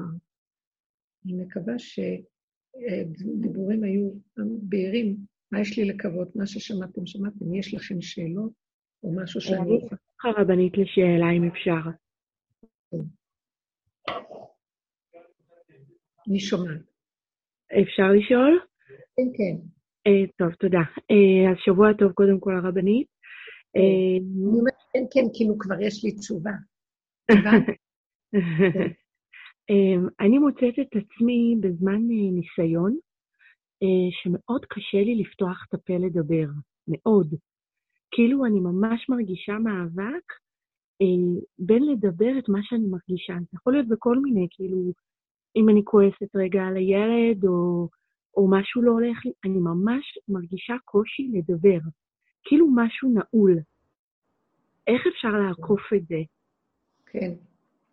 שימו לב כמה אנחנו פותחים את הפה ומדברים מול השני ומול השלישי ומול ה... וכמה כשיש מישהו מולנו, וכמה קשה לנו, כשאנחנו לבד עם עצמנו, לדבר.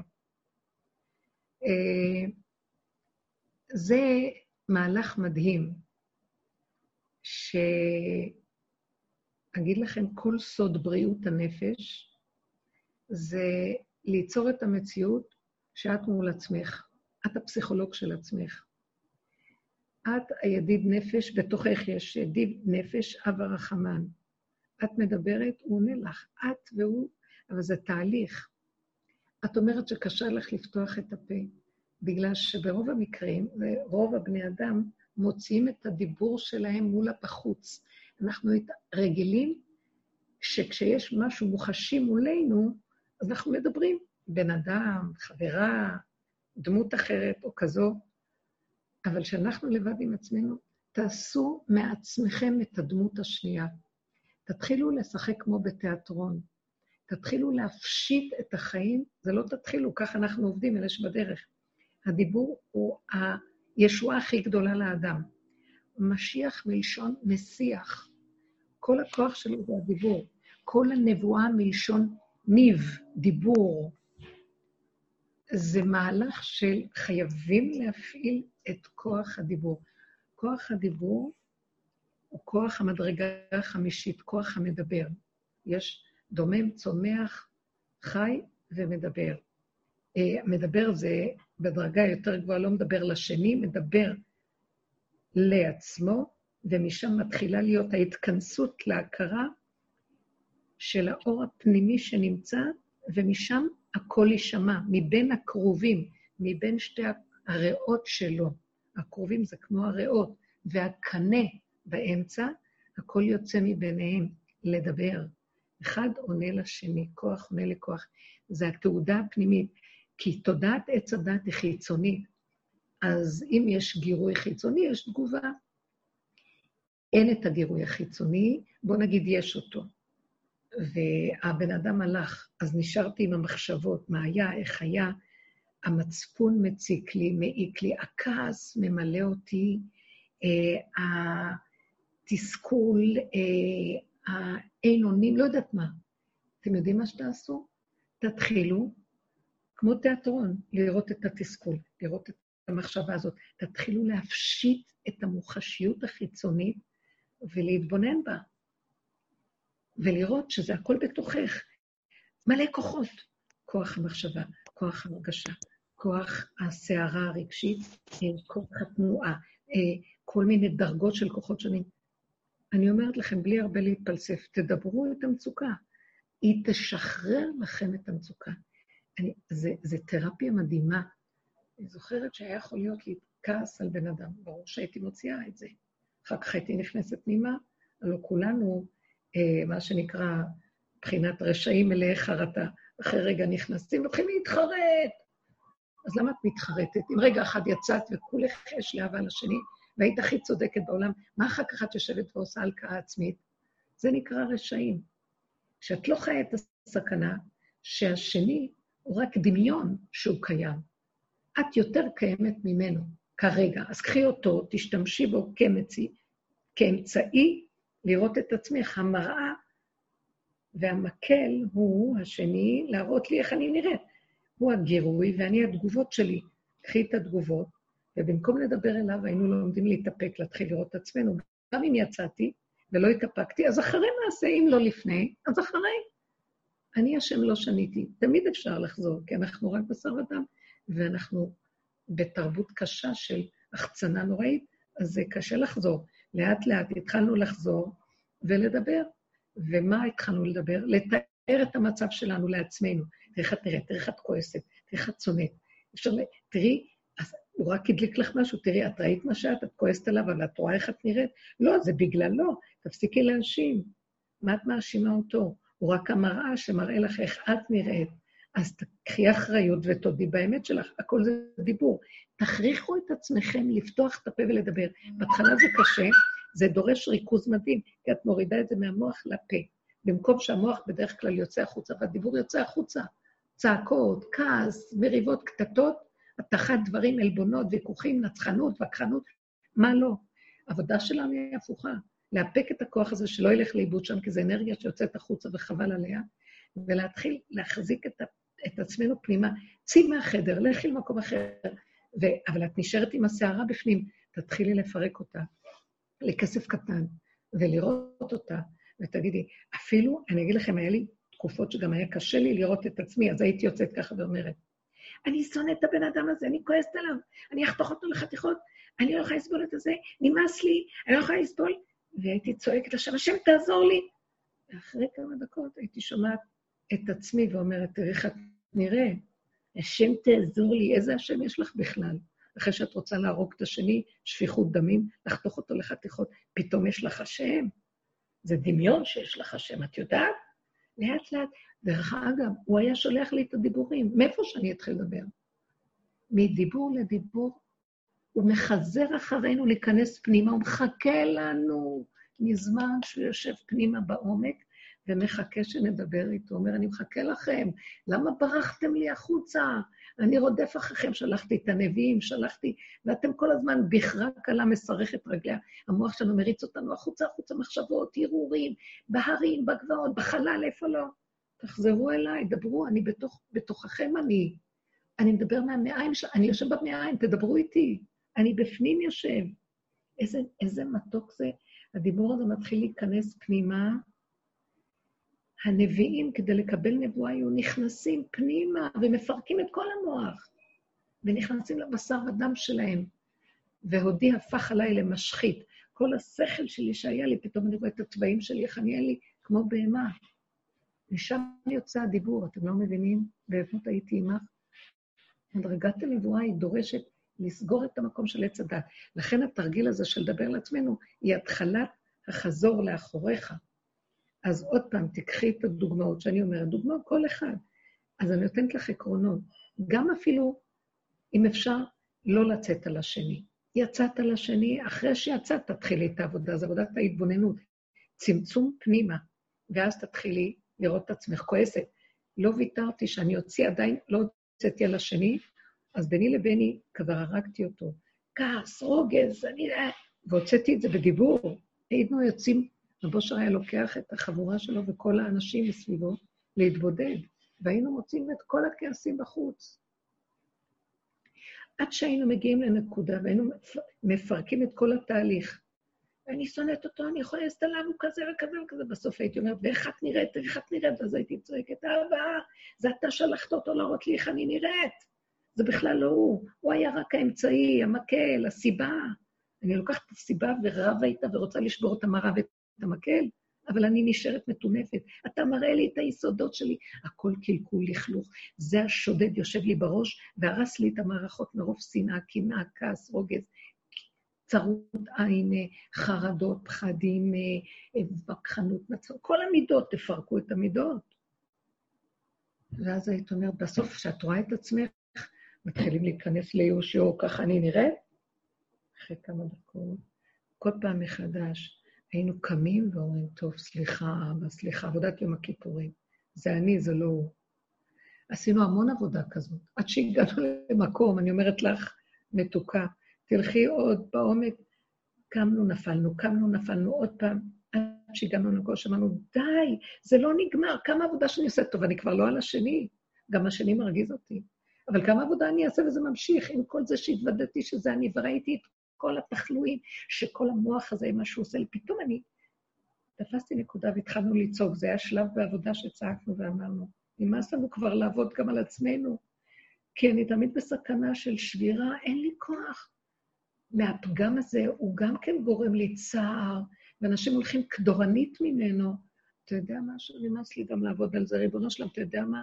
זה עץ הדת, המנגנון שלו לא יעזוב אותי. גם הוא מתלבש ורוצה להרוג אותי בתוך זה. גם עבודת יום הכיפורים נמאס לי לעשות. אתה צריך תביא את הפורים לעולם. אני זוכרת שהיו שנים, בשנים האחרונות, שהתחלתי לצחוק. ביום הכיפורים נכנסתי ברמה אחרת. עשיתי כי אני חייבת להגיד, חייבת להגיד, אבל כל הזמן אמרתי, אבא, אתה יודע, אנחנו עובדים עליך בעיניים, לא נגמור עם זה כל עוד יש את עץ הדת, תמיד נחטא ונשוב, נחטא ונשוב, ואנחנו לא רוצים לשוב, אבל הוא מכריח אותנו. זה מנגנון שלא נגמר, אנחנו שבויים בו. תחת השמש הוא מעוות, לא יוכל לתקון. עת כזאת ועת כזאת. נצא מיום הכיפורים אה, צדיקים, אחרי רגע אני עושה שטות. אין לדבר סוף. ושנה הבאה עוד פעם יום הכיפורים, תגיד, לא נמאס לך, מתי תגאל אותנו? התוודענו, עשינו את כל העבודות. כבר אני נהייתי צדיקה, עוד, פעם נכנסתי ונהייתי רשאית, מה יהיה איתי? אתה לא מרחם עליי? אולי תפסיק עם כל... אנחנו שבויים פה. ואז הגענו למקום שעליו אנחנו מדברים היום. אנחנו כבר גולם, חסרי אונים, תשושים, ולא נגמר עלינו ימי הכיפורים האלה, אנחנו מפרקים את הכל. אלה שעבדו בדרך, גם יום הכיפורים מתפרק לנו. נשאר היסוד של יום הכיפורים, אבל כבר הווידוי במקום אחר. נשאר העבודה שתישאר, שיום הכיפורים תמיד יישאר.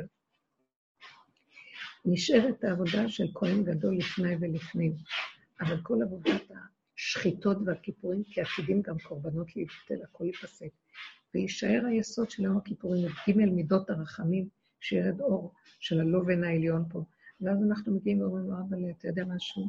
גם אחרי עבודת יום הכיפורים, שזה כביכול אה, החודש השביעי, בעשירי לחודש, שהשביעי הוא מידת הבינה, שזה האלף השביעי, בעשירי לחודש שזה המלכות, כי העשירי זה החלק הכי נמוך, העשירי, ואחר כך הכל חוזר חלילה מ-1 עד 10, וב... וגם העבודה הזאת תיגמר. ואחרי מה שאני רואה בספרים שכתוב, שגם אחרי האלף השביעי ייכנס האלף השמיני. פורים, מידת החוכמה, זה יסוד האבא, זה יסוד הפורים. יסוד השמחה שאין עליה אח ורע. אז גם פה בכדור, במעגל השנה, אני אומרת לו, תביא את הפורים, תן לנו לצחוק, ותשחק ליום אחרון. תן לנו לשחוק את כל התודעה המטומטמת הזאת, כבר אין לנו כוח אליה, כי גם מנגנון שקשה לצאת ממנו. נכון, אתה רוצה אותנו בעבודה הזאת, שנדבר ונדבר, עד שגם כוח הדיבור הזה של הפירוק של עץ הדת ייגמר, ונדבר אליך נבואה. מה שיצא לנו, שוטים שמדברים. לא רוצים יותר לחשוב ולעשות עבודות. את שומעת אותי? זאת ששאלה את השאלה. כן, כן, כן. זה עבודה של התאמנות. תכריחי את עצמך להתבונן בעצמך ולראות את עצמך לאור הגירויים שבחוץ יש, ושאת נכנסת לתגובות. תתחילי לעבוד עם התגובות שלך. למה הגבת ככה ולא ככה? ותדברי, תדברי, תדברי, תסתכלי ותדברי, ותסתכלי ותדברי. אה, הדיבור צריך להיות בינך לבינך. לי הכי קשה לדבר בעולם. אני, אימא שלי, עליה שלום, אמרה שאני נולדתי ילדה עם פה של כפתור. לא פתחה את הפה, לא דיברתי. מאוד קשה עליי הדיבור, אני... תראו כמה אני מדברת. התאמנתי, ו- ובאמת יש לי את יסוד הדיבור, הוצאתי אותו החוצה. זה לא מפסיק לדבר, אבל הדיבור הוא ביני לבין הבורא, ביני לביני. בואו נגיד, מה זה הבורא? אני גם לא יודעת. אני כל כך רוצה להישאר נאמנה לאמת, ולא ללכת על הרוחני. אני לא יודעת מה זה השם. אני, אני מרגישה חזק פנימה, שמה שנשאר לי זה האף והפה. אין לי כוח. המוח הזה, כמה אפשר? הוא כבר מותש, הורדנו אותו על ידי הדיבורים לתוך הפה, לעסנו אותו, כמו שלועסים את האוכל וקודשים אותו ומפרקים אותו, מעלים גרה. אוי, זאת מילה טובה. הבהמה אוכלת, ועוד פעם לועסת ומוליאה, עוד פעם ועוד פעם. כל העבודות שעשינו, עוד פעם, הניסיון חזר, ועוד פעם דיברנו, ועוד פעם ועוד פעם ועוד פעם. העלינו גרה, עד שזה נהיה ריר, ריר, כבר אין לו אוכל. ואז אני אומר, די, אין לי כוח יותר. לא יכולה יותר. אני לא יכולה יותר. אין לו כבר חומר. זהו, נבלע בעברים. תתגלה. זה הגולם הפשוט.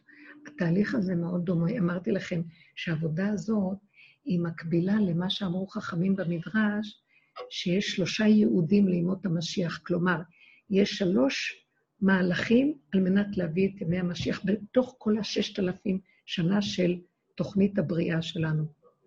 אז זה הלוויתן, כמו שאמרתי, זו מחשבה גבוהה שאנשים עבדו במחשבות, חכמי העולם, חכמי ישראל, אה, ועבדו מאוד עמוק במחשבה, זה הלוויתן, בתוך המים העמוקים של המחשבה. אחר כך חכמי התורה, תלמידי החכמים, אה, זה כמו יסוד הרוח והאוויר. אה, זיז שדי זה העוף שמעופף, הוא נמשל לעוף, כמו שזה נמשל ללוויתן, זה נמשל לעוף. ואחר כך יש את הייעוד האחרון שחייבים לעשות אותו. כל הדורות עבדו ומיצו את כל היהודים לתקן את תודעת עץ הדת. והייעוד האחרון זה בהמות בהררי א', שישנה בהמה אחת, שזה בחינת השכינה, עבודת הנפש, כמו עבודת הכהן הגדול, שהיה כל הזמן מקריב קורבנות, כל הזמן שוחטים ומקרבים ואוכלים, הכהנים היו אוכלים כל הזמן, והבעלים מתחפרים כל הזמן. ואז היו מטהרים את העולם, את, את האוויר בירושלים. לא היה אדם ישן בירושלים עם חטא בידו, כי האוויר היה כל כך טהור מכל הקורבנות. כל הזמן זה כמו עבודת המטבח, הבהמה יושבת רבוצה על אלף הרים, ואלף הרים מספקים לה אוכל. זאת אומרת, היא יושבת על, על נקודה גבוהה, והיא כל הזמן אוכלת אותה, אוכלת אותה, לועסת אותה, ממיסה אותה, מפרקת אותה, כמו אה, בסוף עד שזה נהיה דקה מן הדקה, כמו הקטורת, שביום הכיפורים לוקחים את החלק הכי דק שבדק, כל השנה הייתה דקה, אבל ביום הכיפורים עוד יותר דקה, עד שהיא נמסה ולא נשאר כלום. יורד על אובן העליון, יורד האור של היחידה. אז זאת עבודה שאנחנו עובדים בעבודת הנפש, כי הורדנו את הדעת, כי הדת היום, שעבדו כל הדורות, ל"והשבות האלה לבביך". אם הדורות הראשונים בלוויתן עבדו מצד הנשמה והאורות הגויים כמו אברהם אבינו, היו חכמים נוראיים. הם, זה אי אפשר לתאר את הגדלות של החוכמה שלהם. הדורות של, העבודות של הרוח, של הייעוד של העוף שמעופף, זה התלמידי חכמים, הם כבר תלמידי חכמים, הם עובדים במדרגת הרוח, לא הנשמה. אלה חכמים ואלה תלמידי חכמים. ואחר כך הבהמות, שדוד המלך הוא מזוהה איתה, זה עבודת פירוק הנפש, המידות, התוואים. לקחנו את הדעת של עץ הדת, והכנסנו אותה לתוך המידות. תסתכלי בתוואים שלך, תראי איך את נראית, תראי את הזכורים והסדקים. כל הדור הזה זה דור של נפש, כולם רק רואים את עצמם. כל היום רק מדברים על עצמם ועל הנפש שלהם. זה כל הדור היום עובד את עבודת הבהמות והררי א'. אבל אנחנו מקבלים את הדרך איך למוסס אותה. יש לנו כלים מדהימים. בנות, קחו את הכלים, תעבדו. כי יש, יש בתוך הכלים כוח אלוקי שעוזר לנו, השכינה עוזרת לנו, כי זה תפקיד מאוד חשוב עכשיו, לפרק את העולם. זהו, לפרק את התודעה של עץ הדת. זה כוונתי העולם, את התודעה, את הפסיכולוגיה של העולם. די, נמאס. נמאס. אתם לא רואים, אנחנו רק בפתים כל היום אוכלים. לא עושים שום דבר, כל היום אנחנו רק אוכלים. שוחטים עופות ואוכלים, כל היום אנחנו רק אוכלים. יותר טוב שנשחוט אחד את השני. ברוך השם. הבנת אותי, יקרה? כן, תודה רבה. ברוכתי, שהדיבורים האלה ייכנסו, וכולנו צריכות את ההתחדשות ואת ההתאמנות מחדש במדרגות האלה. כן, כי כל רגע, אין דבר מוחלט. כל רגע בא עוד פעם רגע שיכול להתאים גם לנו, כולנו, לעשות את העבודה מחדש. אם יש עוד שאלה, זה פשוט מעודד אותנו, אה, השאלות מעודדות לשים פנס על הפרטים ולהבהיר אותם, אז השאלות הן טובות. יש מישהי שיש לה שאלה? אפשר לשאול משהו? כן. כן אה, יש שאלה שקשורה לתחילת השיעור, ו... לשיעור של שבוע שעבר, דיברת הרבה על, אה, על להסכים לשלילה, ואז תופיע ההנהגה העליונה. מה לעשות? להפקיר? להסכים, להסכים לשלילה, ואז מופיעה ההנהגה העליונה בעצם. כן. אה, ואמרנו, דיברנו על זה שכל הגאולה האחרונה בעצם אה, היא תלויה במקום הזה. ככה אנחנו לא, לא מפרנסים את השלילה. מצד שני, אנחנו כל הזמן מדברים על זה שאנחנו צריכים להגיע למידת הגבול שלנו ולקצה, ואז לצעוק להשם. אז זה לא מסתדר לי קצת עם ההשלמה. איך זה... אני, אני צועקת ממקום שכבר אין לי כוח, שאני חסר אונים, גם היום דיברנו על זה הרבה, על החוסר אונים, ואז יש את הצעקה להשם, אז זה קצת לא הסתדר לי עם... זה בדיוק המקום שאת משלימה עם, הס... עם השלילה. כי המוח תמיד יבוא ויבקר אותנו. העבודה שלנו היא עבודת הביקורת העצמית, הצמצום, ההתבוננות, אבל יש איזה גבול, ואז אנחנו רואים את השלילה שלנו. זה מאוד קשה אה, לבן אדם לשלול את מציאות דעתו, את המציאות של התודעה הזאת, כי זה כל מהותו, התודעה כביכול, החיצונית, מהותו החיצונית.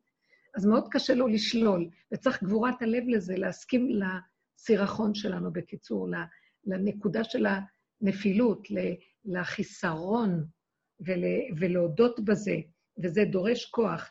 ותגידי, את אומרת פעם, פעמיים, שלוש, זו עבודה של שנים וזה חוזר. אמנם כל פעם זה פחות, כי זה הולך ונחלש, ותמיד נשארת נקודת שלילה נוספת, אבל היא קטנה עכשיו. אנחנו מדברים שנשארים תמיד אותו דבר, רק הדרגות הולכות ונהיות יותר ויותר ויותר קטנות, דקה מן הדקה. אז אני דיברתי גם על החלק הדק, שכבר אנחנו חסרי אונים, וכשאני עוד מתבוננת בנקודה השלילית האחרונה, אני אומרת לו, ריבונו של עולם, מה הנקודה השלילית, למשל, שאני יכולה לתת דוגמה מעצמי? שאני עוד רוצה לדעת מה יקרה, מה קורה מחר, מה יהיה לו. ואני רואה, זה עץ הדעת, את לא צריכה לדעת. ואז אני רוצה לדעת. אז אני צועקת לו, אבא, תרחם עליי שאני אהיה חלקך. לא רוצה לדעת. אין לי כוח, אני חייבת להשלים עם השלילה, שזה שיא השלילה, רצון לדעת ממנו כל הצרות. כל הצרות נובעות מזה שאנחנו יותר מדי יודעים. אני יודעת איך השני, אני יודעת מה הוא אמר, אני יודעת, ויודעת, כאילו, אתם יודעים, זה מין ידיעה של uh, תחמון כזה, אני יודעת, כן, אני יודעת, הכל דמיונות, אף אחד לא יודע כלום. ואני בונה על זה תילי תילים, ואז אחר כך זה עוקץ אותי, ואין לי כוח לזה. אז אני באה למקום שאני לא יודעת, לא יכולה. כשאני משלימה, מסתכלת בשלילה שלי, מהי השלילה שלי? הרצון לדעת, עוד פעם אני בורחת לגדלות, זה חולי. אני אומרת לו, אתה רואה, אתה תופס אותי, כל רגע אני חוזרת מאחורה. תרחם עליי ותעזור לי. אני לא יכולה, לא רוצה ללכת לשם, לא רוצה להיות יכולה ללכת, לא רוצה לרצות. תחזיק אותי איתך, תן לי להישאר בקטנות שלי ולוותר על כל המדרגות והגדלות. לא רוצה מדרגות, רוצה מתיקות כאן ועכשיו. באותו רגע שאני מודה בשלילה הזאת עד הסוף ומסכימה, מה אני מסכימה פה? שאני חולת תודעת שיגעון הגדלות, ואני לא רוצה להיות שם, ואני מבקשת לך עזרה. זה מתהפך שם. במקום הזה, ש... אבל זו נקודת אמת, אני לא רוצה. אה, בואו ניקח דוגמה. אה, אני זוכרת שהייתי רואה את הגדלות שלי, ואיך הייתי נשברת אחר כך. אה, זה לא השני בכלל, זה את. את בעלת הגאווה. את, מה את מדברת על השני? והייתי צועקת, אבא, אני בעלת הגאווה, אני, אני, אני, והיה לי כאבים שאני בעלת הגאווה. אז אני הייתי עוד בתודעת הדת. הכאב שיש לנו מזה, זה עוד אני רוצה לא להיות בגאווה, כי אני עוד רוצה להיות משהו, אני רוצה לא להיות בגאווה. עזוב אותך, מה שאני רוצה, לא רוצה, כל תודעת עץ הדעת, גם אם אני לא רוצה, אני עושה כל כך, גם אם אני רוצה לא להיות בזה, כל כך הרבה עבודות, כל הזמן אתה מחזיר אותי. למה אתה מחזיר אותי כל פעם לראות את הגאווה עוד פעם? כמה עבודות אני אעשה? כי אתה רוצה שאני אגיע להגיד, אני לא יכולה. כי אתה רוצה שנגיע לגבול של מציאותנו ולהתוודות, ריבונו של עולם, כל זה שאנחנו עוד רוצים משהו, זה בא מעץ הדעת. אתה יודע משהו? לא רוצה כלום. תיקנו את תכלית עץ הדעת.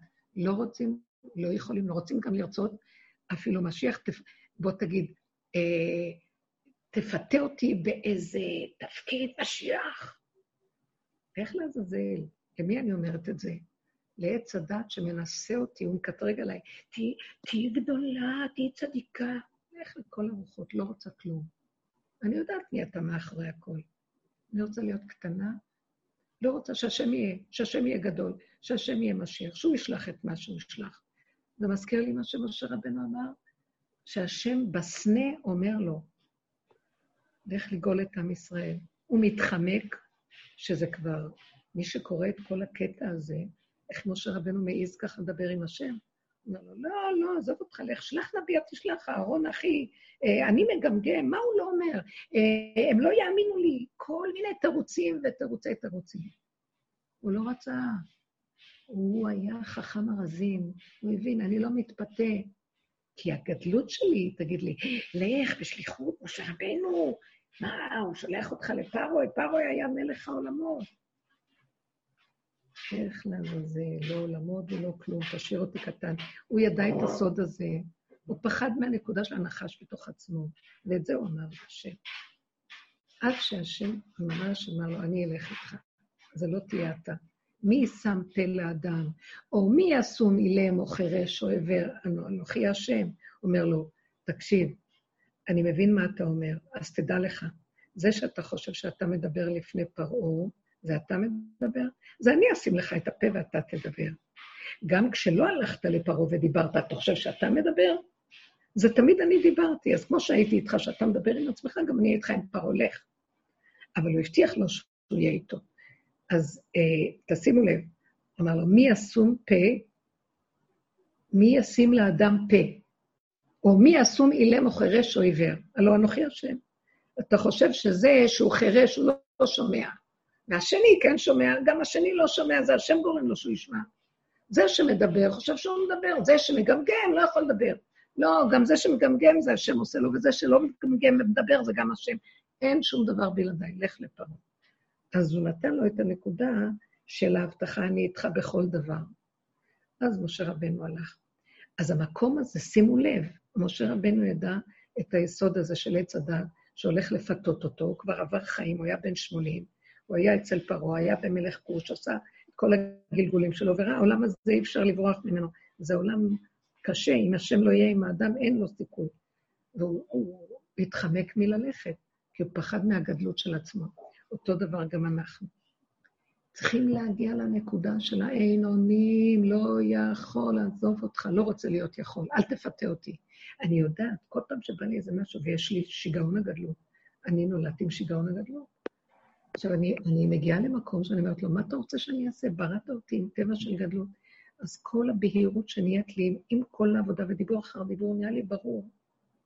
מה זאת אומרת? אני שואלת את השאלה ואומרת לו, הוא נותן לי תשובה מיד. מה זה הוא נותן לי תשובה? אני פשוט מה, מה, מעצמי יודעת. המוח שלי, כאילו, אומר לפה שלי, מה הוא אומר לי? אני בראתי אותך עם הטבע הזה, זה הטבע שאני בראתי אותך. הטבע של הגדלות הוא שלי, לא שלך. עץ הדת שלך והגנב הראשי, שבתוכך גנב את זה, אז הוא חושב שהוא גדול. אני רוצה שתמצי את הכוחות עד שתגיעי למקום שאת לא רוצה להיות גדולה מצד עצמך. חוץ מזה, הטבע יישאר לך. אז את יודעת משהו? הטבע הזה, אני נכנס בו. בטבע הזה של הגדלות אני אתן לך. אז לי לא מספיק שיבוא בן אדם אחד להיות איתי, אני צריכה עשרה אנשים.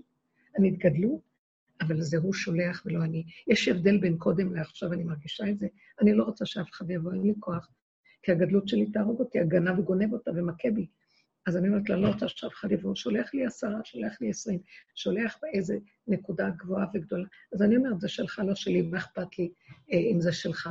הקטן והגדול אצלך אותו דבר.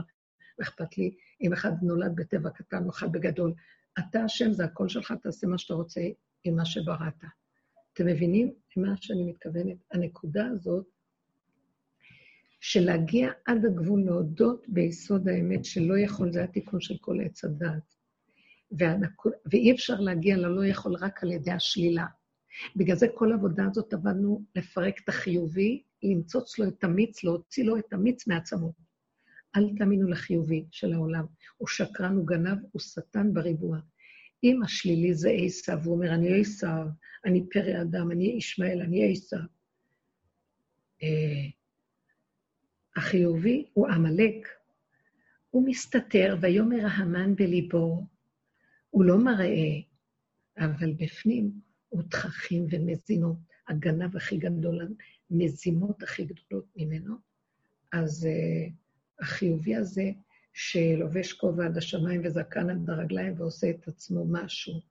אני מסתכלת, אני לא, אה, לא רואה, אה, אין לי מכשירי טלוויזיה או משהו כזה, אבל אני זוכרת שבפעם הראשונה ראיתי בעיתון, ראיתי את הפנים של הזה של חיזבאללה, איך קוראים לו? נסראללה, אני לא יודעת איך קוראים לו. וראיתי את אלה מאיראן, אמרתי, וואי, הם נראים כמו צדיקים, יש להם כובעים כאלה וזקנים והכול. ורשעים זה, זה החכמים להרע. זה סוג של עמלק שמסתתר מאחורי כל הכביכול דת ו, וזקנים, ורק חפצים להחריב את העולם ולהשתלט עליו. אז המצב הזה, שנדע שרק על ידי שלילת החיובי, איפה שראינו חור חיובי, התנפלנו עליו בחמת זעם לפרק לו את הצורה ולמצוא שם את העמלק ששוכב ולהרים אותו להשם. זה להודות בשלילה ולהגיד, אני הגעתי למקום שאמרתי, אני עמלק בכבודו ועצמו בתוכי. השם, רק אתה יכול לפרק את זה, אבל תרחם עליי. כשאתה עושה את הניתוח, בבקשה, ומפרק את הראש פורה ראש ולענה שבתוכי, שים איזה זריקת הרדמה. אה, קשה, תרחם, זה פשוט לא פשוט. כל מיני דיבורים שהוא נותן לי לדבר, זה הוא מדבר מעצמו לעצמו, תעזבו, אין כאן אף אחד, זה רק הוא חי וקיים, אם זה לפני ואם זה אחרי. אני מקווה שעניתי לך על הנקודה. זו אותה כן, נקודה. כן, תודה רבה, כן, כן. מתוקה. השלילה היא תמיד טוב, שלילה, לשלול את הישות של עץ הדעת, זה עיקר החוכמה. אי אפשר להכיר את האלוקות בלי שלילת דמיון האלוקות. כי אנחנו חיים בדמיון. הכל כאן דמיון, תשללו. שתגיע, אנחנו לא יודעים מה זה החיובי של השם, אני רק יודעת מה זה השלילי של התודעה. וכשאני אגיע לגולם, שזה מין קו אמצע שלא חיובי ולא שלילי, שם השם יעשה כבר את העבודה לבד, הוא לא צריך אותי. הוא מתגלה ביחידה שלו, ואדם יודע מהו החיובי האמיתי. אני אגיד לכם בפשטות, יש לי רגע אחד מתוק. זהו, תודה רבה. לפחות זה התחלת החיובי. המוח בהיר, אני יכולה להגיד דוגמאות. פעם הייתי צריכה לקרוא חמש פעמים את אותו פסוק כדי שאני אהיה מרוכזת. בגולם אפשר לקרוא את כל הפרשה ולזכור את כל הפרטים. אה, מה? זה השם עושה הכול. היחידה מופיעה, הוא נותן לך את הכוח בכל דבר. זה רק לרגע, לפעמים חוזר להיות המכוח הזה. זה רצו ושוב כל הזמן. על כן, זה הדוגמאות כדי לסבר את האוזן ולהבין שאם אנחנו לא ניגע בנקודות האלה עד הסוף, רק שם יבוא האור הגדול. אנחנו כבר בשעה מאוחרת. אני מאוד אוהבת אתכם, תודה רבה. אני מה זה מודה להשם על החברות שיש לנו, על הדרך הנפלאה שהוא נתן לנו, על החיות שהוא נותן לנו ממנה, וכולנו מחוברים ומקושרים, וכל עם ישראל, בזכות העבודה הזאת, מקבל כוחות לעמוד בזמנים שהם לא פשוטים ולהגיע לתכלית הנרצית בלי צער ובלי רוגז ובלי מכאובים, מתוך שמחה וטוב לבב, בשפע ובכבוד עד אלינו ממש. תודה רבה, שבוע טוב, הרבה נחת. אמן, וואו, איזה שבוע מבורך. תודה רבה.